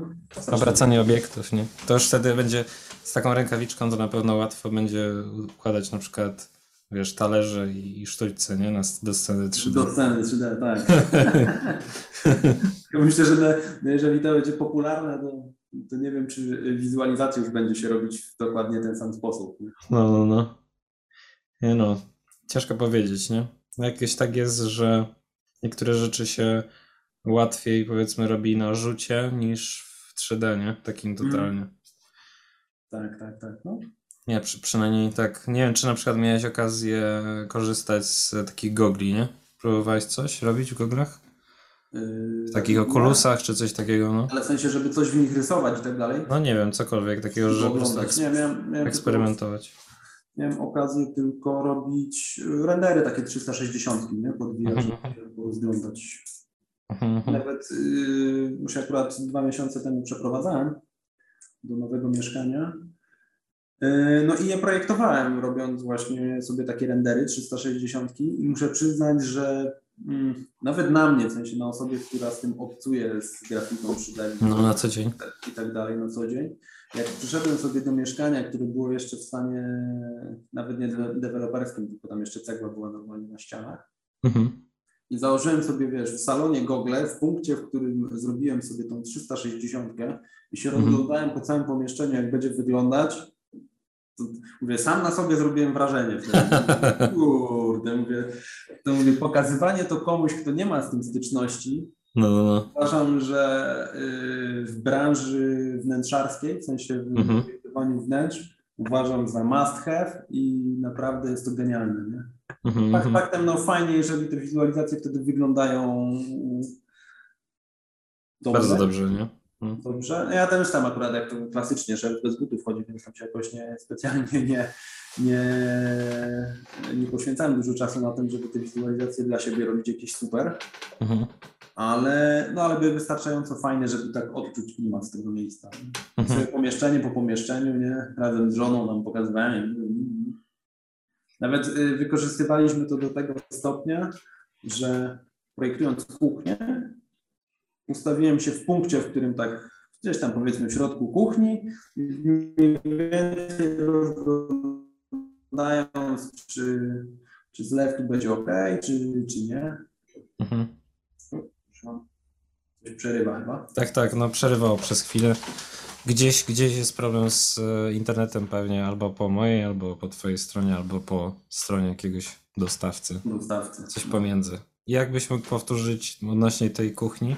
To tam pewnie przerwał parę słów. Że wiesz co, może wykorzystywaliśmy ten, ten, ten, ten, te gogle VR do właśnie projektowania kuchni, do zasadzie projektowania ergonomii. Nie? Że ustawiliśmy mhm. w pewnym punkcie i kręciliśmy się, nie? czy tu będzie fajny zlew, czy nie. Bardzo jest to fajne narzędzie. Nie? A do tego jest o tyle proste, że tak naprawdę wystarczy telefon mhm. i zwykłe takie najprostsze gogle, takie z kartonu, byle to na głowie założyć. Nie? Mhm. To już robi robotę. No tak, tak, tak. No. Miałem okazję też y, jednemu swojemu koledze pokazać to, bo pomagałem mu tam projektować mieszkanie, więc też zrobiłem takie 360 dla niego. No to też był pod wrażeniem, nie? Wiesz, oglądał i...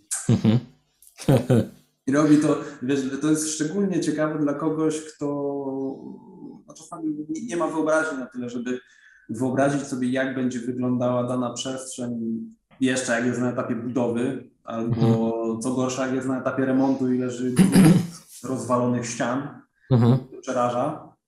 E, no i wiesz, pokazujesz coś takiego, nie, że to będzie tak wyglądać. Wow. No, no, no.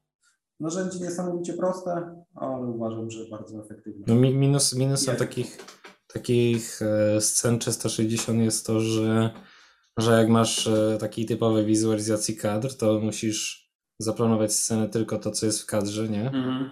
A tutaj jest w ogóle totalnie co innego, nie? Nie masz takiego jakby kadrowania za bardzo, trochę. No nie, nie, nie, no nie, nie, nie ma kadrowania, nie ma, wiesz, no ciężko tak zrobić sobie super światło, żeby akurat pod to dane ujęcie gdzieś tu fajnie cienie padały Mhm. i tak dalej. Da się to w pewnym stopniu zrobić, ale no wiadomo, nie, nie, nie tak jak przy jednym ujęciu, ale no trzeba zrobić całe też pomieszczenie z wszystkim, co widać dookoła. Nie? Mhm. Wiadomo, że z punktu widzenia takiego e, typowego, typowo roboczego jest to znacznie bardziej czasochłonne No, no, no. niż, niż takie pojedyncze ujęcie. Nie można sobie ściany odsunąć dwa metry w tył, żeby się z kamerą zmieścić. Tak. Klasyczne rozwiązanie. No. No, ale no mówię, fajne są to, uważam, że do wnętrz projektowania Mhm. genialne narzędzie. Mhm. Szczególnie, żeby sprzedać coś klientowi, to uważam, że to da się tym kupić kogoś. Nie? No, no, no. Potem, potem można, są jeszcze opcje, że, że można chodzić, nie? Faktycznie i się To można poruszać. chodzić, tylko że wiesz, ciężko to yy, obawiam się, że Inne narzędzie, nie? Do tego inne narzędzia, tak. To są po pierwsze inne narzędzia, po drugie, no fizycznie nie jesteś w stanie z tym chodzić, szczególnie byś chodził w goglach po, no może by się dało, nie? Trzeba mieć przestrzeń do tego, nie? Tam jest do tego przestrzeń, a jeżeli pójdziesz do mieszkania, to wystarczy, że staniesz o pół metra nie tam, gdzie jest punkt zrobiony i przyrzniesz w ścianę. Mhm. No, no poza tym same te narzędzia raczej polegają na chodzeniu w, no, na joysticku, nie? Mhm. No, Albo można się teleportować, nie? Tak jak w tych e, między sferami, nie? Powiedzmy, Tak, tak, tak. pomiędzy. No to właśnie ja tak ro- robiłem, że robiłem pojedyncze sobie punkty, te kluczowe gdzieś tam dla pomieszczeń, gdzieś środek pomieszczenia, no to, to w zasadzie wystarcza, nie? I widzisz całe pomieszczenie, jedno, Mhm. nie ma, nie ma potrzeby robić więcej, nie? Są fajne takie narzędzia, e, to też pokazała firma mm, The Boundary z, z Londynu. Mhm. Oni zrobili takie, jakby połączyli dwie najlepsze opcje spacerów, że zrobili właśnie takie spacery y, 360 te statyczne, Mhm. y, tylko że na tyle gęsto ich zrobili i upakowali, że robi się z tego, da się z tego zrobić w zasadzie taki typowy łop, taki wiesz, da się po prostu chodzić, nie? I ma to jakość wizualizacji, Mhm. przy użyciu silnika typu Corona. Nie? Jeżeli Mhm. trzeba do tego Unreala używać i tych narzędzi typowo takich Unrealowych, przy użyciu Korony da się zrobić taki cały spacer, który jest naprawdę niesamowitej jakości. Ale to co? To, to jest po prostu pomiędzy sferami się. Tak, Teleportujesz? prze- przemieszczasz się pomiędzy sferami, tylko że nie jest to zrobione na zasadzie, że masz jedną sferę w jednym pomieszczeniu i drugą w drugiej, tylko pomiędzy tym masz jeszcze, nie wiem, na przykład ze 30 sfer, żeby zrobić, Mhm. żeby zrobić ten element przejścia. A jak się, jak się nazywa to biuro? Dobrze mówię? Biuro? boundary. Granica angielskiego. Mm, Teraz nie pamiętam jak się, bo oni to wiem, że to jakoś tam promowali jako osobne narzędzie. A nie wiem, czy gdzieś mają to na blogu u siebie. The Boundary Explore to się chyba nazywa, o ile dobrze pamiętam.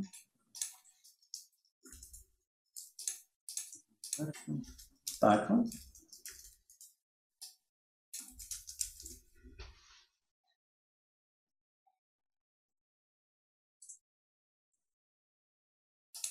Sobie wpiszesz.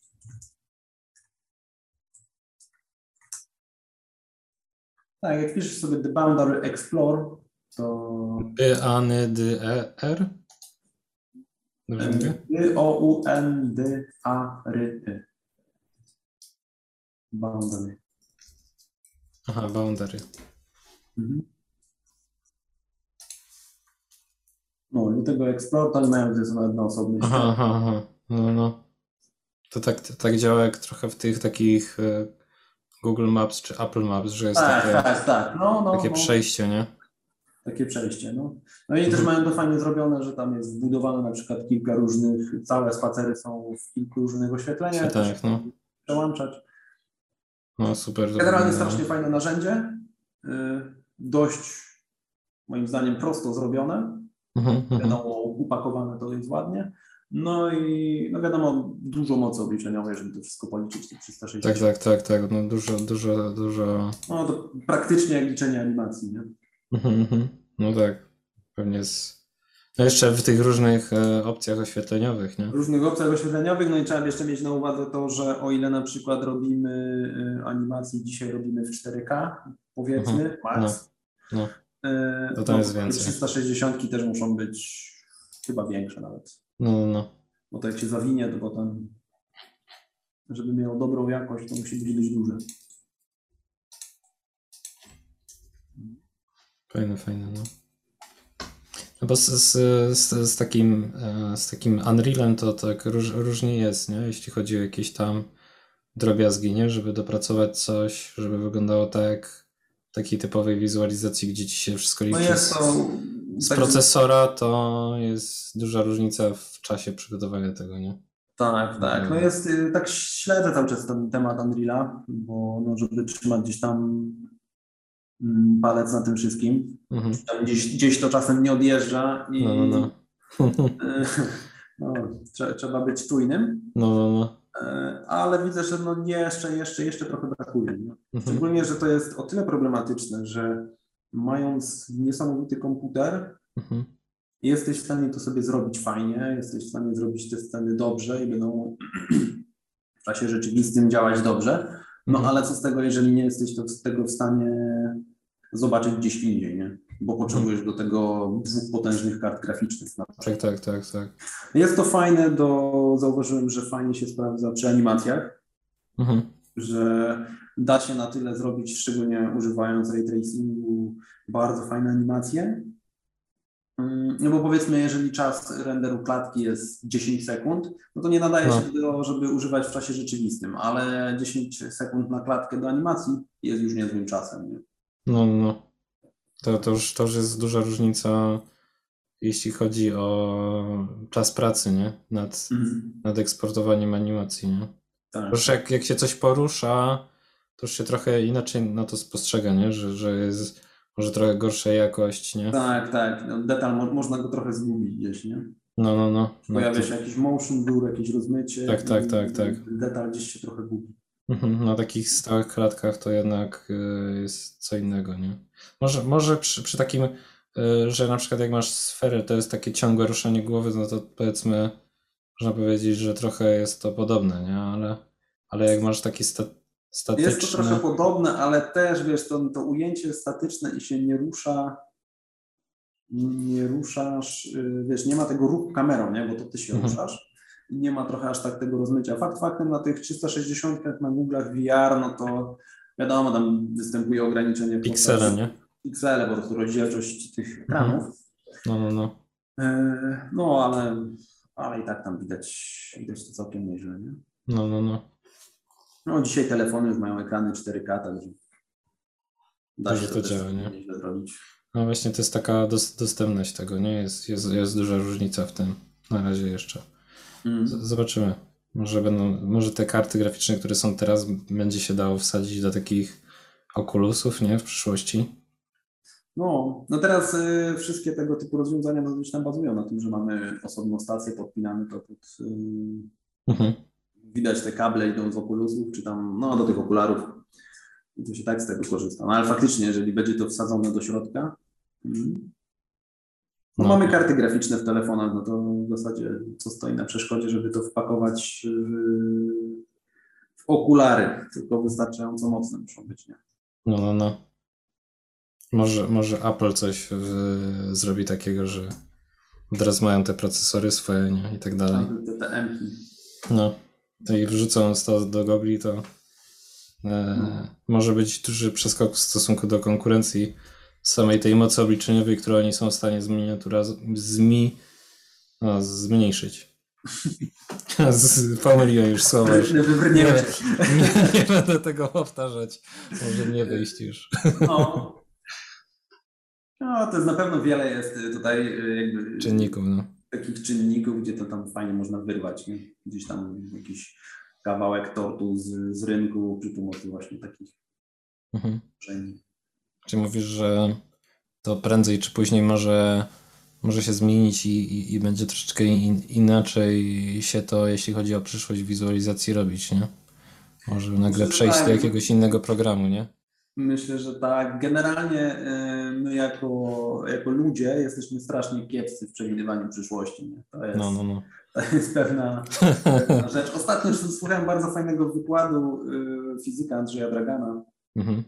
I on właśnie zaczyna ten wykład mówiąc o tym, jak bardzo y, mylili się najwybitniejsi ludzie tym, kiedy Przewidywaniu. na przykład, na przykład Einstein, nie? że on po Mhm. drodze popełniał tyle błędów i tyle rzeczy jeszcze w, y, że on do samego końca na przykład nie wierzył w fizykę kwantową, pomimo tego, że był jednym z jej twórców. Mhm. I właśnie też, też na tym, na tym jakby bazował trochę ten wykład, że, że nawet najwybitniejsi bardzo się potrafią mylić. Mhm. No Także my jesteśmy strasznie kiepscy w przewidywaniu przyszłości i to tak naprawdę jak będzie wyglądać branża, nie mamy pojęcia. Czy to będzie za 5 lat, 2, 3 czy za 10. Z tym prze- przejściem w jakimś innym kierunku, nie?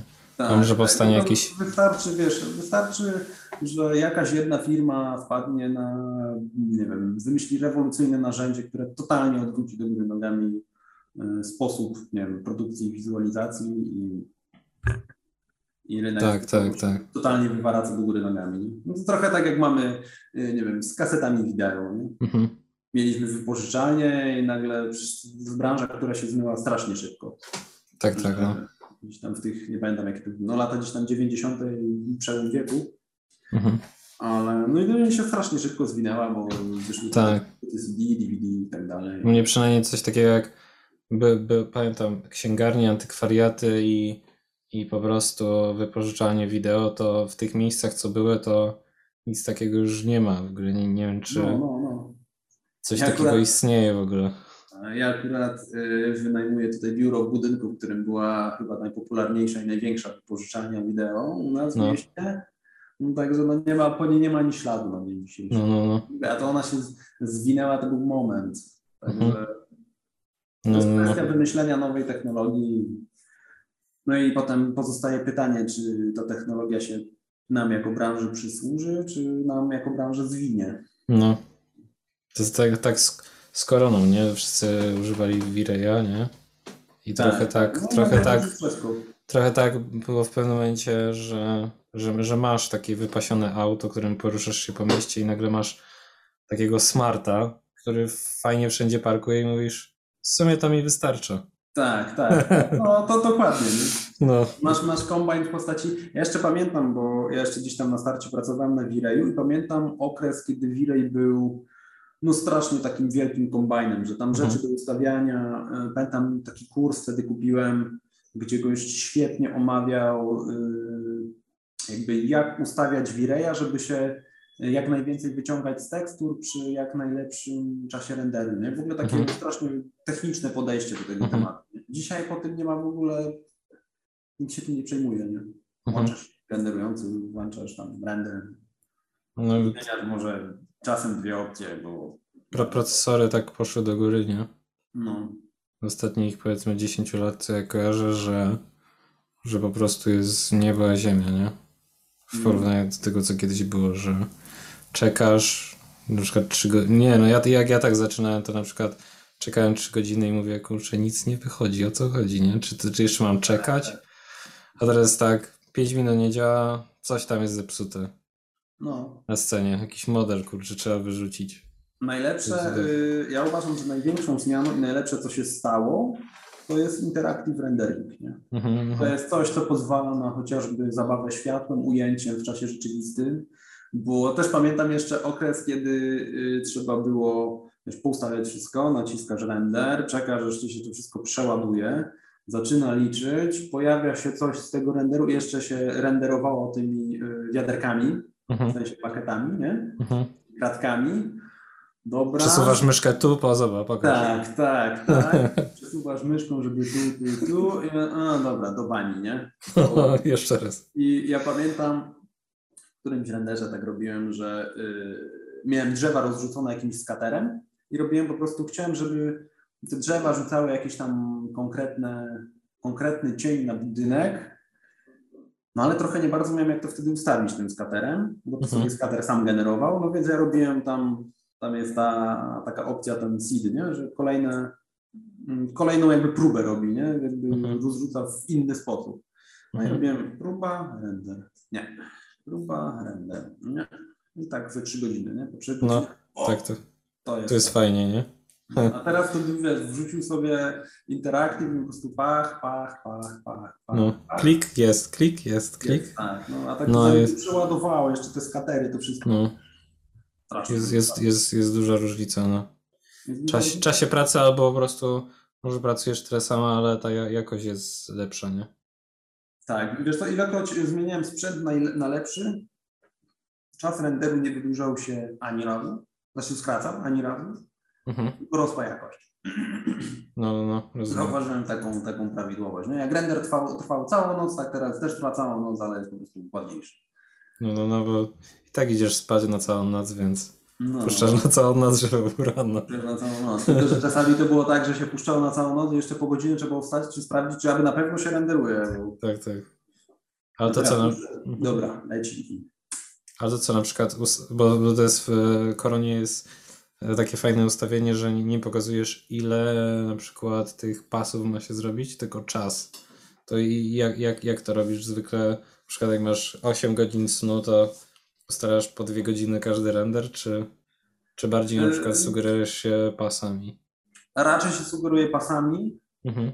bo yy, Jednolitość tego. pewną jakość renderu, nie? Mhm, mhm. Najczęściej robię tak, że po prostu wybieram sobie kawałki sceny, które są, no raczej będą najbardziej zaszumione z pewnych Mhm. względów. No bo tam jest na przykład narożnik pomieszczenia, zawsze ma, Mhm, przynajmniej najczęściej ma dużo szumu.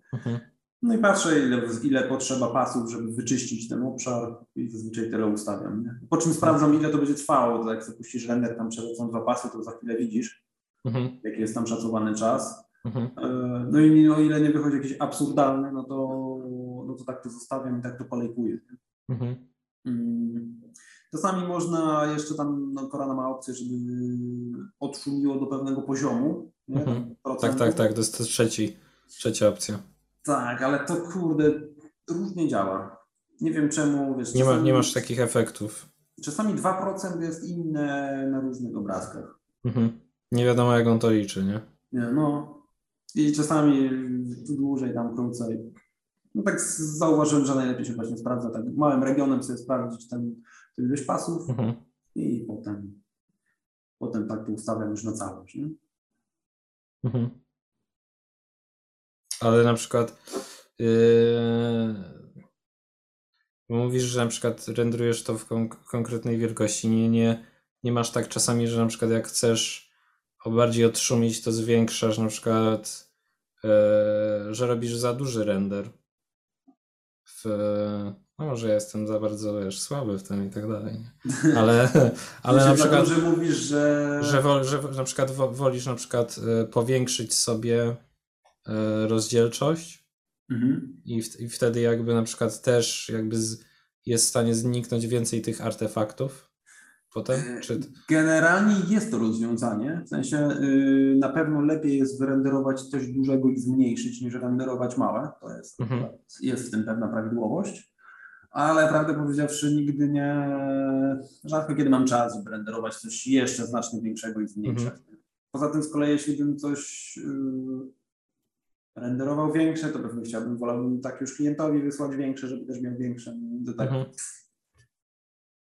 No, zawsze raczej tą, tą, tą konkretną docelową wartość renderuję. Mhm. No póki co na razie nie miałem jakichś takich, no, nie mam takich problemów z czasem renderu. Mhm. Czasami się tam zdarza, zdarzały rzeczy, że no ale to jest, to jest normalne, że tam cały weekend coś, coś się liczy, ileś tych renderów po kolei. Mhm.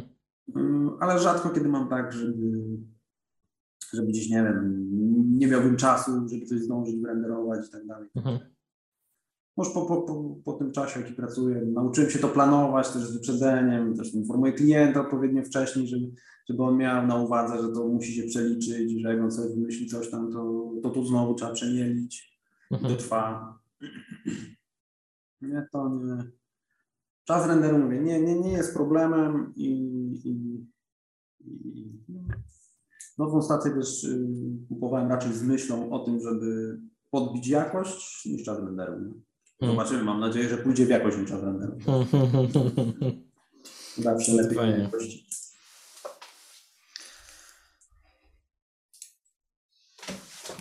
Nie, nie wiem, nie wiem czy, czy już nie wyczerpałem wszystkich pytań, które chciałem zadać. Może mi się coś jeszcze przypomni. Też mam takie pytanie No. e, standardowe, czyli czy może coś chcesz oddać, dodać od siebie, e, którego na przykład ja nie zadałem, ale ty myślałeś, że ja zadam to pytanie, ja jego nie zadałem. I to może to jest, to jest na pewno czas na takie, takie, takie coś. Pytanie, którego nie zadałeś. Nie wiem, chyba nie mam. Albo coś chcesz po prostu przekazać, nie? Takie, wiesz, do, do słuchaczy. Takie od siebie. Hmm. nie no, nie wiem, chyba nie. Nie wiesz. nie mam nic do przekazania takiego Nie wiesz. specjalnego. A gdzie, Gdzie? Chcecie dowiedzieć, to po prostu piszcie. No. O, to właśnie. Pod filmem będę komentował też. Tak, tak. To, to kom- komentujcie i wysyłajcie e-maile jak coś, coś prywatnego, tak? Ym, O, wiem co może y, dodam, bo to tak z rozmowy wynikło, ale na starcie w sumie nie wspomnieliśmy chyba, Tak. że razem studiowaliśmy. To jest Tak, tak, tak, tak. Zgadza się. dość istotne. Byliśmy razem Gdzieś tam na- się- Gdzieś tam się widzieliśmy czasami. Tak, na jakichś imprezach w akademiku. też, też pewnie takie były. Tak. Wy i poza. No, tak było. No i, i dlatego tutaj Filip e, się pojawił. Zobaczymy y, ten, to nie ktoś tam. Kiedyś, kiedyś prosiłem o rady też, jakiś czas, dawno temu, można powiedzieć. E, I ty, ty doradzałeś mi wtedy. Kurde, to nie pamiętam nawet. Tak, tak, no. Podczas, po, to było podczas e, mojego projektu magisterskiego, albo po i ja się tam pytałem jakieś takie rzeczy. Mhm. No, było tak, tak. Na, fe- na Facebooku Pewnie konwersację odgrzebać, no. No, na Facebooku coś takiego było. A, a osoby jeszcze, gdzie mogą cię szukać w internecie? Gdzie, gdzie, gdzie jesteś? Gdzie Czyli- jestem? No ja generalnie jestem na Facebooku, Instagramie, yy, pod raczej pod profilem moim firmowym, czyli Marżram Studio. Mhm. Yy, No i na Behance, a tam na Behance już jestem jako po prostu Filip Małecki. Mhm. I to są w sumie moje, moje główne... Czyli możecie tam kliknąć plus, lajki. Tak. O, i teraz rzeczy. mi się przypomniało coś, co mógłbym powiedzieć jeszcze. No, mów, mów. Nazwa. No, no właśnie. To No jest powiedz. dosyć zabawne, bo swego czasu będąc jeszcze gdzieś no, w późnej podstawówce yy, i liceum i gimnazjum, sporo grałem w gry MMO Mhm. I swego czasu spodobał mi się, tu w ogóle zobaczyłem kogoś nick Majeranek pod takim, pod takim nickiem, potem tak fajnie wyglądał, on mi się No. tak strasznie podobał, nawet y, nie pod względem czy fonetycznym, to tak ładnie to słowo wyglądało, nie? I tak stwierdziłem, to ja mu ukradnę ten nick i potem się takim posługiwałem w internecie długi, długi czas. Tak? Majeranek? Majeranek, tak, tak. E, I, i, i, i, i no i potem właśnie przyszedł ten okres, że trzeba było wymyślić jakąś nazwę dla swojej firmy i wymyślałem, kurde, co wymyśliłem, to potem wpisuję w Google, jest. Wymyśliłem coś, kurde, wielkie studio filmowe. No i tak mówię, a może. Zobaczyłem tłumaczenie dla Majeranka, przetłumaczyłem na marszans, dodałem studio, patrzę, nic nie ma, ani nawet kwiaciarni, ani nic. To, to, to, to miejsce zajmę tutaj w Google. To, no, nic nie ma, to akurat. Tamten, tamten gościu, jak cię widział na jakichś innych grach, to denerwował się. Pewnie się wkurza, jak to już jest mój nick zajęty? Już jest mój nick zajęty. No.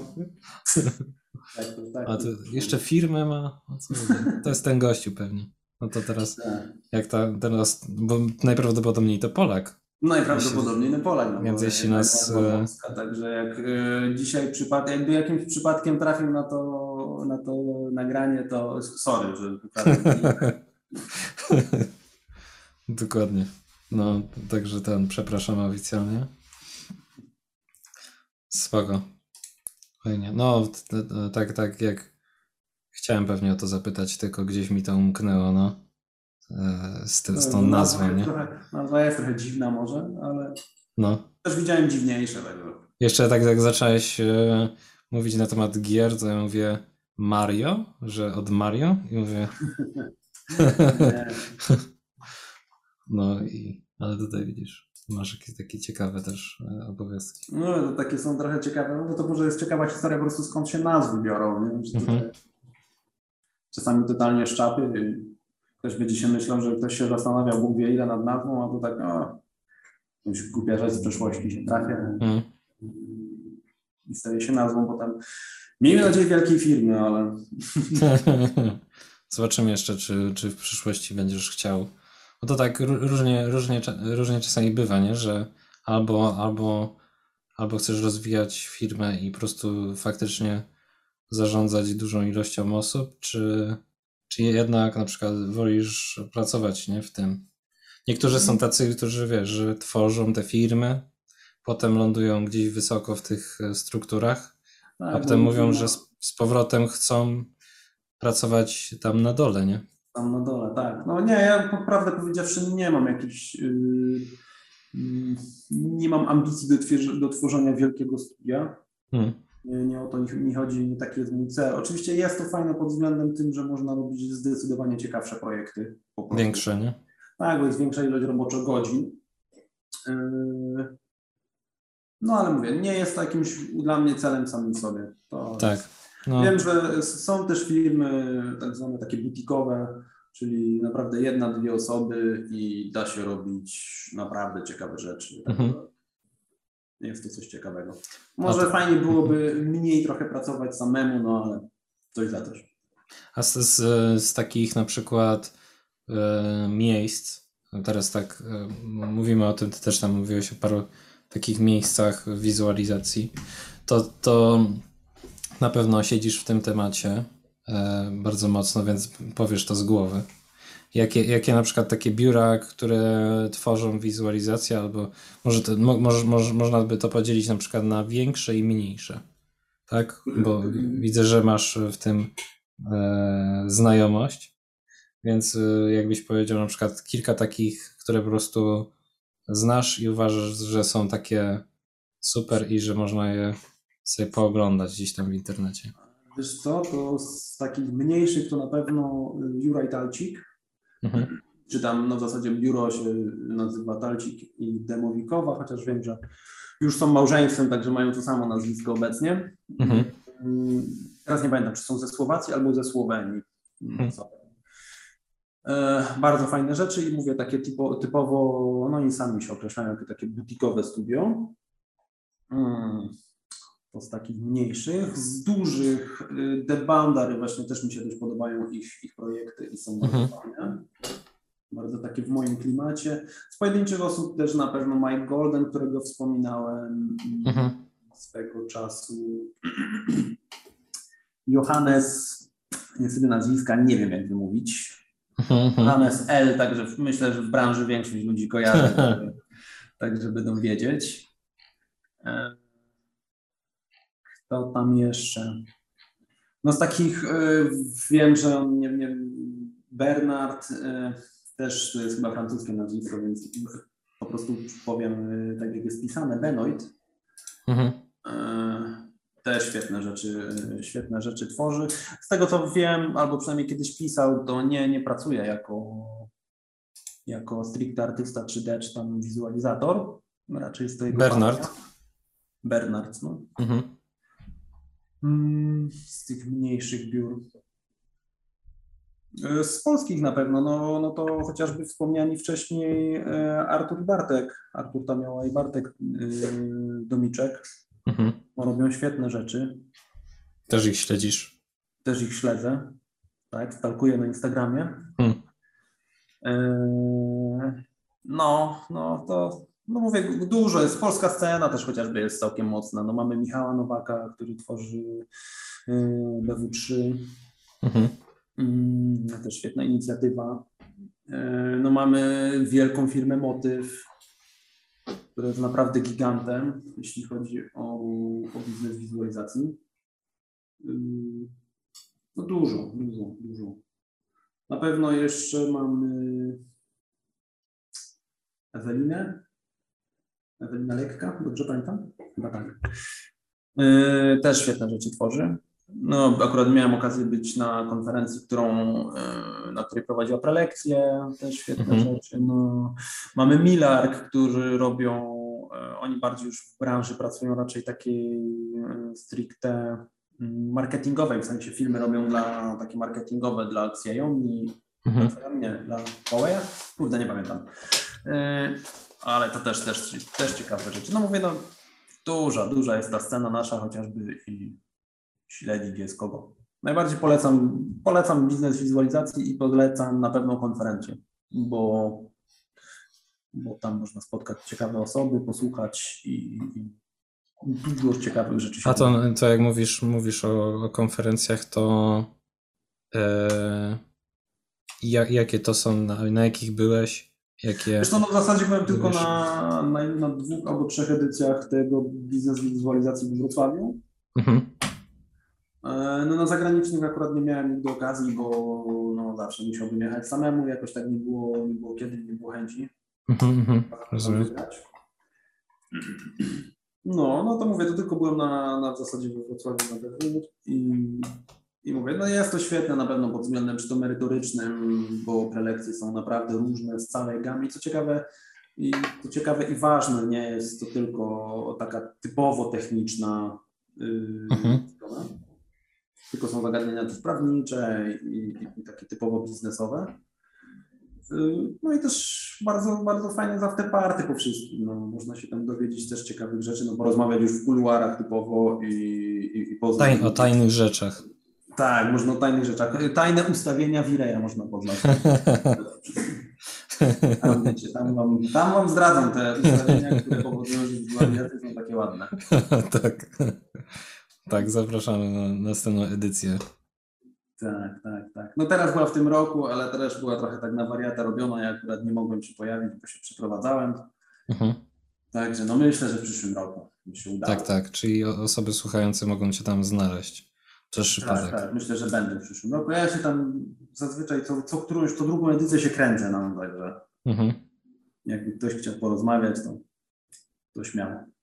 Spoko. Dobra. To ja nie wiem, to, to co, kończymy. Ja Ci dziękuję bardzo za poświęcony czas, za zdradzenie paru tajemnic ze swojego zawodu. Ściśle, ściśle normalnie um, niesprzedawanych e, nigdzie. Tajne ustawienia ja to na konferencji. Dokładnie. Oficjalnie z korony, ale tak naprawdę to tam tak, tak. jednak Wirej. no, także Cieszę się bardzo. Powodzenia dalej w rozwoju e, związanym z pracą, nie tylko. Żeby też trochę odpoczynku było, nie? Żeby, żeby mieć siłę na, na dalszą tak. pracę. Nie? nie wszyscy to wiedzą. Bardzo, bardzo ważna rzecz w, w pracy jest odpoczynek. No i też, też, też, żeby gdzieś mieć jakieś takie miejsce, żeby móc e, ten, ten umysł tak wyczyścić, nie? Jakieś mhm. tam hobby czy coś dodatkowe. Prawda, to też polecam. No, ja też generalnie dziękuję za rozmowę. Dziękuję za, za zaproszenie przede wszystkim, bo no, tam jak widziałem grono, jakie było zapraszane, to, tak. To cieszę się, że też dostałem zaproszenie. Tak, tak, no widzisz. Dziękuję bardzo. Śledzę cię od jakiegoś czasu, też tam patrzę co jakiś czas. Czasem się co, co ciekawych. Cię widzę. No. no. Także jak wrzucasz, to miej, miej świadomość, że, że tutaj osoby oglądają. Na przykład ja tak patrzę tam, co tam dodałeś. No, także super. Wszystkiego dobrego, dziękuję. Dzięki, dzięki wzajemnie. Cześć, cześć.